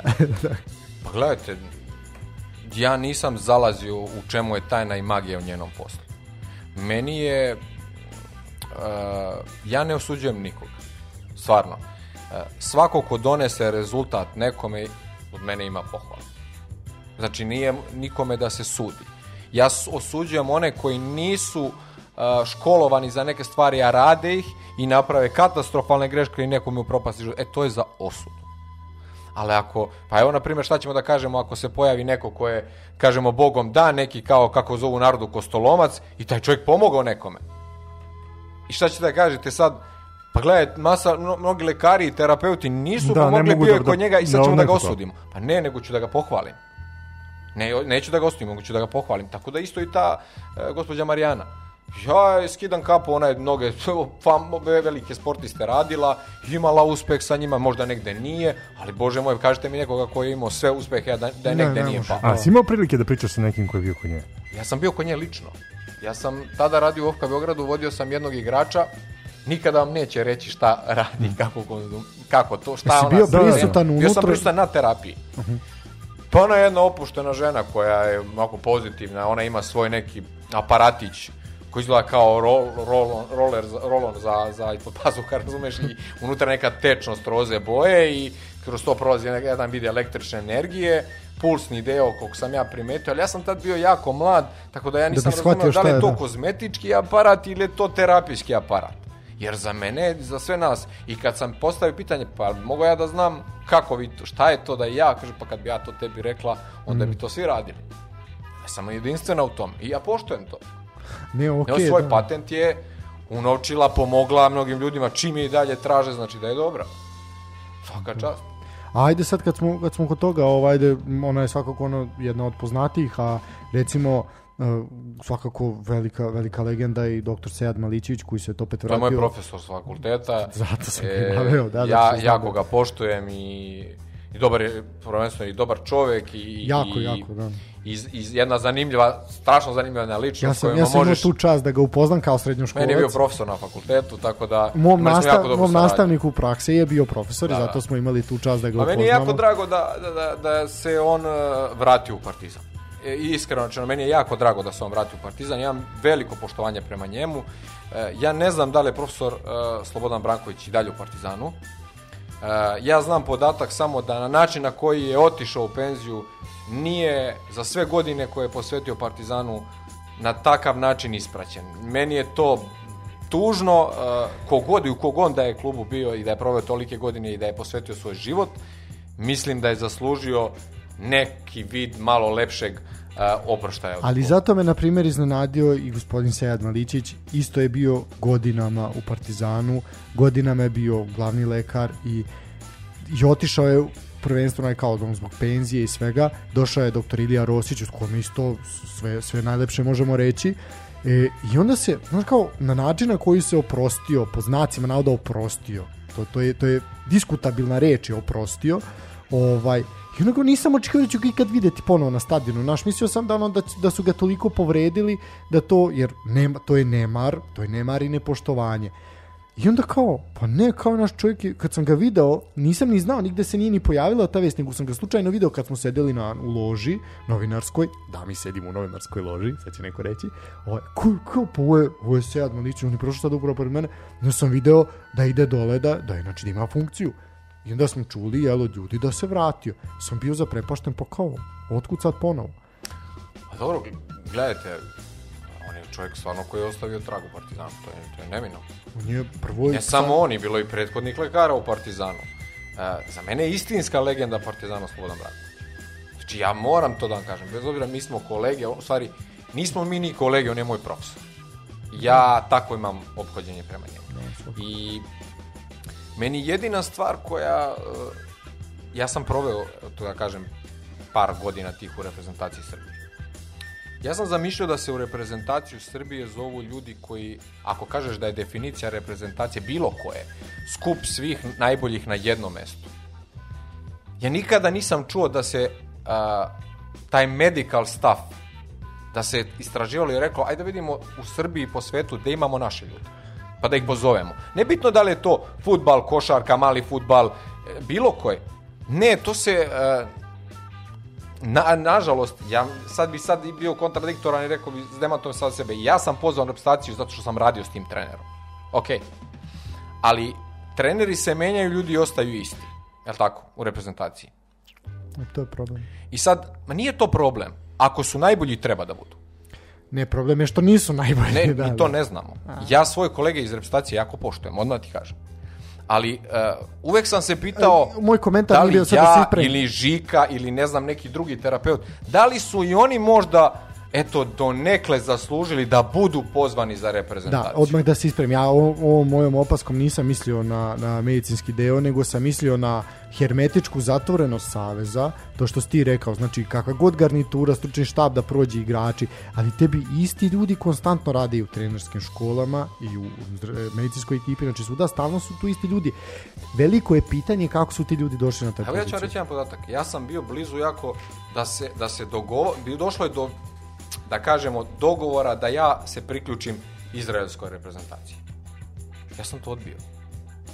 Jer, ja ću vam reći zašto. Mene je izuzetno pogodilo da mene jedna izraelska reprezentacija zove, a da me moja država nije pozvala. Sad, to ispalo, ispašće kao da ja sad se nešto žalim. Ne, ne žalim se iskreno i nema potrebe ni da me zovu. Ok, ako smatra da nekom nisam kompetentan, u redu je.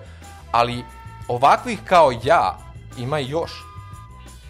I možda oni istinski žele da bude u toj reprezentaciji. Ja volim svoju zemlju. Iskreno, ja stvarno volim svoju zemlju. I ja bi za reprezentaciju Srbije, da, obuče, da samo da navučem majicu reprezentacije Srbije, bio ponosan. Da budem deo tog tima. Sa, po, pri tom, da znate da su reprezentacije Srbije ne plaćate, ne dobijate Voda, plate, volonterske, da, nego dobijate dnevnice. S obzirom na to gde sam ja radio i gde sam ja plaćen ja sam prisutan, kam, daj da budem deo svoje reprezentacije, da zapevam ponovo svoj himnu. Ali, da li je isti pristup moj i nekih koji isto slično misle kao ja i nekih koji su na pozicijama, a možda ne misle tako? Pa tu, tu, tu i pa- nastaje ta problematika u načinu razmišljanja, znaš, to, to je ono što je definitivno problem, pogotovo, ali ne može tebi biti, znaš, kad nemaš ni jednu sferu društva da funkcioniše na takav način o kojoj ti sad pričaš. Znači, ne može ni biti, ni futbalski sajez ne može funkcionisati drugačije. Ako tebi dom zdravlja ne funkcioniše na takav način, kako očekuješ da ti funkcioniše? Ali gledajte, ja, znaš, ja, ja, ja, jako verujem u naše I, ja, pogledajući, pogledajte kako sam igrač. optimista, ja sam Ne, ja sam uvek optimista. Da, Što se tiče svega, pogleda, e, evo, evo reći ću vam, u mom društvu su gledali smo Novaka Đokovića koji gube 2-0 od Cicipasa. Je Jel tako? Ja sam jedini društvo koji je rekao, sad će ga oprati. I oni su rekli, ma gotov je. Da. Nije gotov. E, to je ono što padaš. Nemoj da padaš. I ljudi koji sumnjaju u mene i kažu, pa možda sad nećeš naći klub. Okej, okay ja debelo verujem da ću se ja vratiti uh, i u možda još bolji klub. Ali ja nikada nisam odustao. Ja se nikad nisam predao. I kad, sam, kad padneš, digneš se. Bez obzira koji je posao. Ja i dalje verujem da će doći dan kad će možda neka reputacija ne zove. Ne kaže, ej momak, ajde da pogledamo taj tvoj CV ili ajde nekog žiku, nekog iz inostranstva, da čuli smo da ima tamo radi u nekom klubu, daj da ga pozovemo, čast nam je da imamo takvog da je da naši ljudi koji su se školovali u inostranstvu, radili za velike klubove, to svoje znanje donesu i kod nas. Daj da nešto promenimo. Je, je li to formula uspeha? Jeste, Naravno. Jeste, da, jeste, da ali... ne, ali, da. gledajte ljudi, da. pa vašom emisijom možda ćete promeniti mišljenje Pa vidi, zbog, to, zbog toga mi radimo. Znaš, mi kad smo počeli ovo, svi su rekli kao o čemu ćete pričati, kao pričat ćemo o domaćem sportu. Idemo na popularizaciju domaćeg sporta, ali ne kao senzacionalizam. I kao rekli, pa vi niste normalni. Pa rekao, ali druže, nek...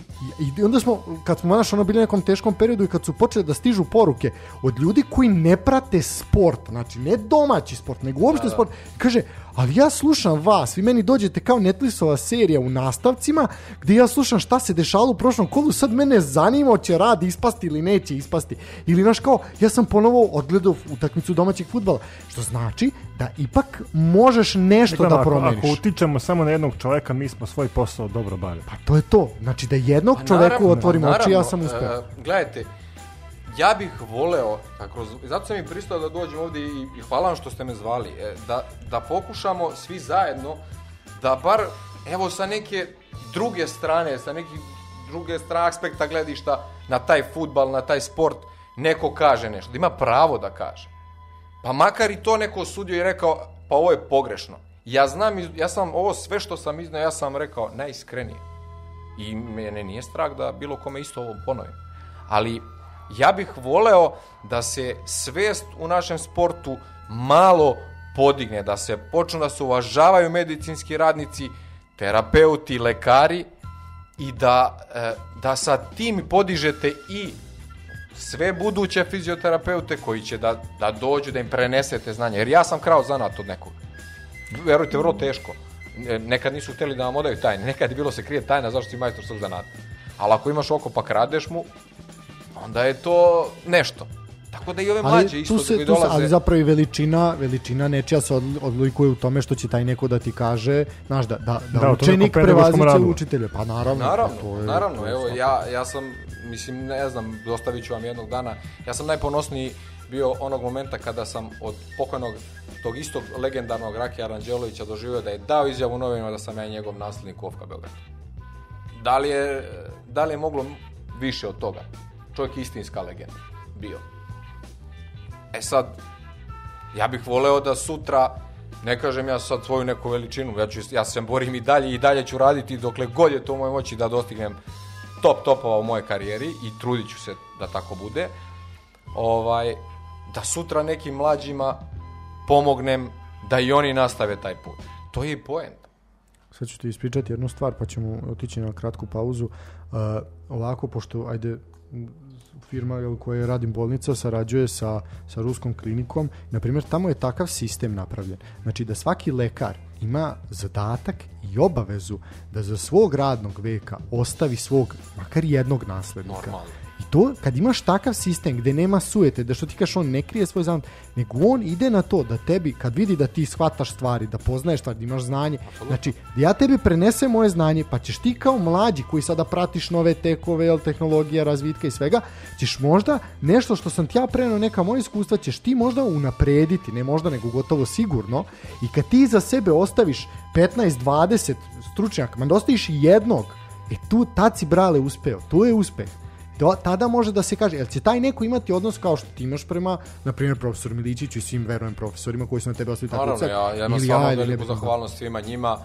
e, neki koji su me, i, ono, više, da kažem, na čeplik se učilo, hvala im na tom. To ono što ja rekao, hvala da. Hvala im na tom, nisam ih mrzeo, ali hvala im na tom. Ja sam svoje mrzeo, ali hvala im na tome. Sreće pa sam završio školu. ja mogu samo da vam kažem, odužili smo malo, stvarno bi mogli jednu pauzu. Može, može, oh, može, može, može, može. Mogli bi završavati. Ajde još jedan.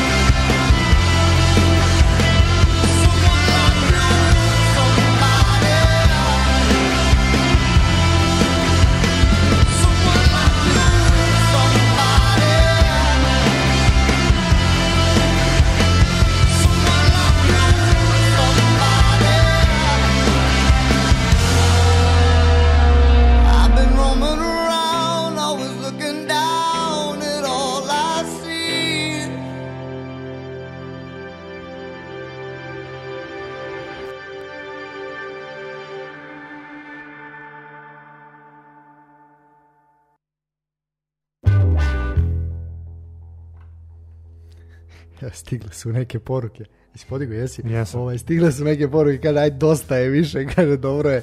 Ovaj, ne, ne, ali ne u smislu dosta je, nego kao meni, kao dosta je, ajde više, treba sutra ponovo da radiš, kao nemoj više, dobro je, mogu biti malo odmoriti. Tako da pozdrav za moje kolege, ovaj, ne brinite, sutra ćemo biti sveži. Možda sutra jednu infuziju.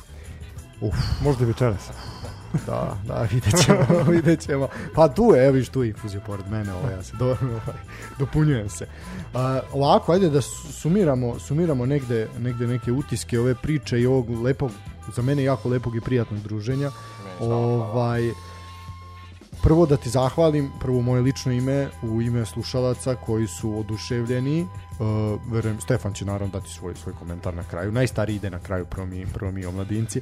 Ovaj, uh, zaista ti hvala prvo što si odvojio vreme da dođeš iz daleka.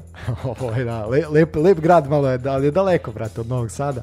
Ovaj, hvala ti što si izdvojio vreme da dođeš. Hvala ti što si sa nama podelio svoju neku životnu priču i neku ideologiju i stavove. Uh, meni je jako drago što postoje ljudi i i ja uvijek, naš, uvijek znaš postoji negde tamo neko ko misli isto kao ti ko se nada tome i ko želi to isto tako da radi na način na koji trebaš koji misli sistem vrednosti Uh, drago nam je što si došao, što si svoj sistem vrednosti podelio sa nama i ono što ja mogu u svoje lično ime kao, kao zdravstveni radnik, kao, aj kažemo, fizioterapeut, mada ono sad, očekujem da će me profesori sad nazvati ili razredno će mi reći, e, ajde, nemoj više. ovaj, hvala ti što pokušavaš da podigneš nivo uh, u smislu i kvaliteta rada, ali i odnosa prema zaposlenima, prema ljudima koji rade taj posao, da im daš na značaju kakav oni zaslužuju svojim radom i znanjem. Mislim da je to jako bitno, na tome ako uspeš da i promil promeniš situaciju kakva je trenutno, treba da ti dignu spomenik i statu. A mislim da imaš, imaš energiju, imaš dobre stavove po meni i ja ti želim zaista svu sreću u daljem radu i deo mene bi voleo da te vidi i u Manchester Unitedu i u Barceloni u Realu, ali drugi deo mene bi voleo da te vidi ovde i da zapravo ovde podigneš nešto što će biti zalog budućim generacijama. Hvala ti na dolasku i nadam se da ćemo se uskoro ponovo družiti. Pa hvala vam puno. E, hvala što ste me pozvali prvenstveno, eto, nadam se da nismo udavili vaše slušalce, ali eto, to je neka moja priča. Imaš dimne reči prema meni, hvala ti puno, malo sam pocrveneo. ovaj, pa eto, to je to. Mislim, nadam se da ćemo nešto uspeti da, da promenimo. Nećemo stati, borba ne prestaje. I eto, to je to. Hvala vam. Evo ja za kraj, Nade, kao što Stanislav već napomenuo, da ti se zahvalim na gostovanju. Stvarno je bilo prijatno uh, imati priliku da, da razgovaramo o ovakvoj temi. Uh, ja te neću videti u Manchester United u Barceloni, ja bih volio da te vidim u našoj reprezentaciji i volio bih da sa našom reprezentacijom napraviš nešto krucijalno i nešto važno. Takođe volio bih da te vidim u našoj zemlji kao nekog ko će biti pionir za neke nove stvari i uvođenje novih uh, metoda rada i nadam se da ćemo imati, imati priliku za neki par godina da, da ponovo razgovaramo i da ponovo sumiramo neke, nadam se, nove uspehe. Pa hvala i tebi puno, eto, ja se iskreno nadam da vaše želje su i moje želje. Ja volim svoju zemlju, ja volim da budem ovde, mada smatram da je još jedan korak mi je potreban da e, svoje znanje i još više unapredim, pa da sa tim potpunim nekim znanjem pokušam da to prenesem i ovde kod nas, ako to ikoga bude zanimalo, ali ako i ne, ja ću sam svojom borbom dokazati i ovo što nastojim da radim, da to uspem, uvek neko primeti. A to ste i vi isto primetili, tako da hvala vam puno. Hvala i našim slušalcima koji su imali strpljenja da nas slušaju. I hvala na pitanjima, hvala na porukama podrške, hvala na svim komentarima, zaista je puno, puno poruka stiglo. Uh, pratite nas i dalje, znači zapratite društvene mreže na Facebooku, Instagramu, Twitteru, Uh, svuda se nalazimo, pratite nas, slušajte nas, čujemo se u ponedeljak u redovnom terminu u 19 časova, tada ćemo se malo više baviti aktuelnostima. Ovo je bio jedan poseban onako, baš specijalan specijal, poseban specijal i još jedan put hvala, hvala tebi Nenade što si bio, Stefane tebi hvala na odličnoj muzici, ovaj put moram i ja da te pohvalim, pa, a nadam se da sledeći put kada ti budeš dolazio kao glavni, glavni ovaj, uh, u tom nekom medical staffu reprezentacije ili već nekog velikog kluba, da ćemo mi biti, brate, poznati radijski dvojac koji će se u svoje vili šetati u bademantilu, razumeš, i moći će da ja, da bira, i moći će da, daš bira, da će danas da idem Porscheom na posao, ću Bugatijem, razumeš, to, neka, to su neke naše skromne željice. Da, da zdravi i da budete zadovoljni, to je najvažnije. Tako je. Dragi slušalci, hvala vam još jednom na slušanju do sledećeg susreta, sportski pozdrav.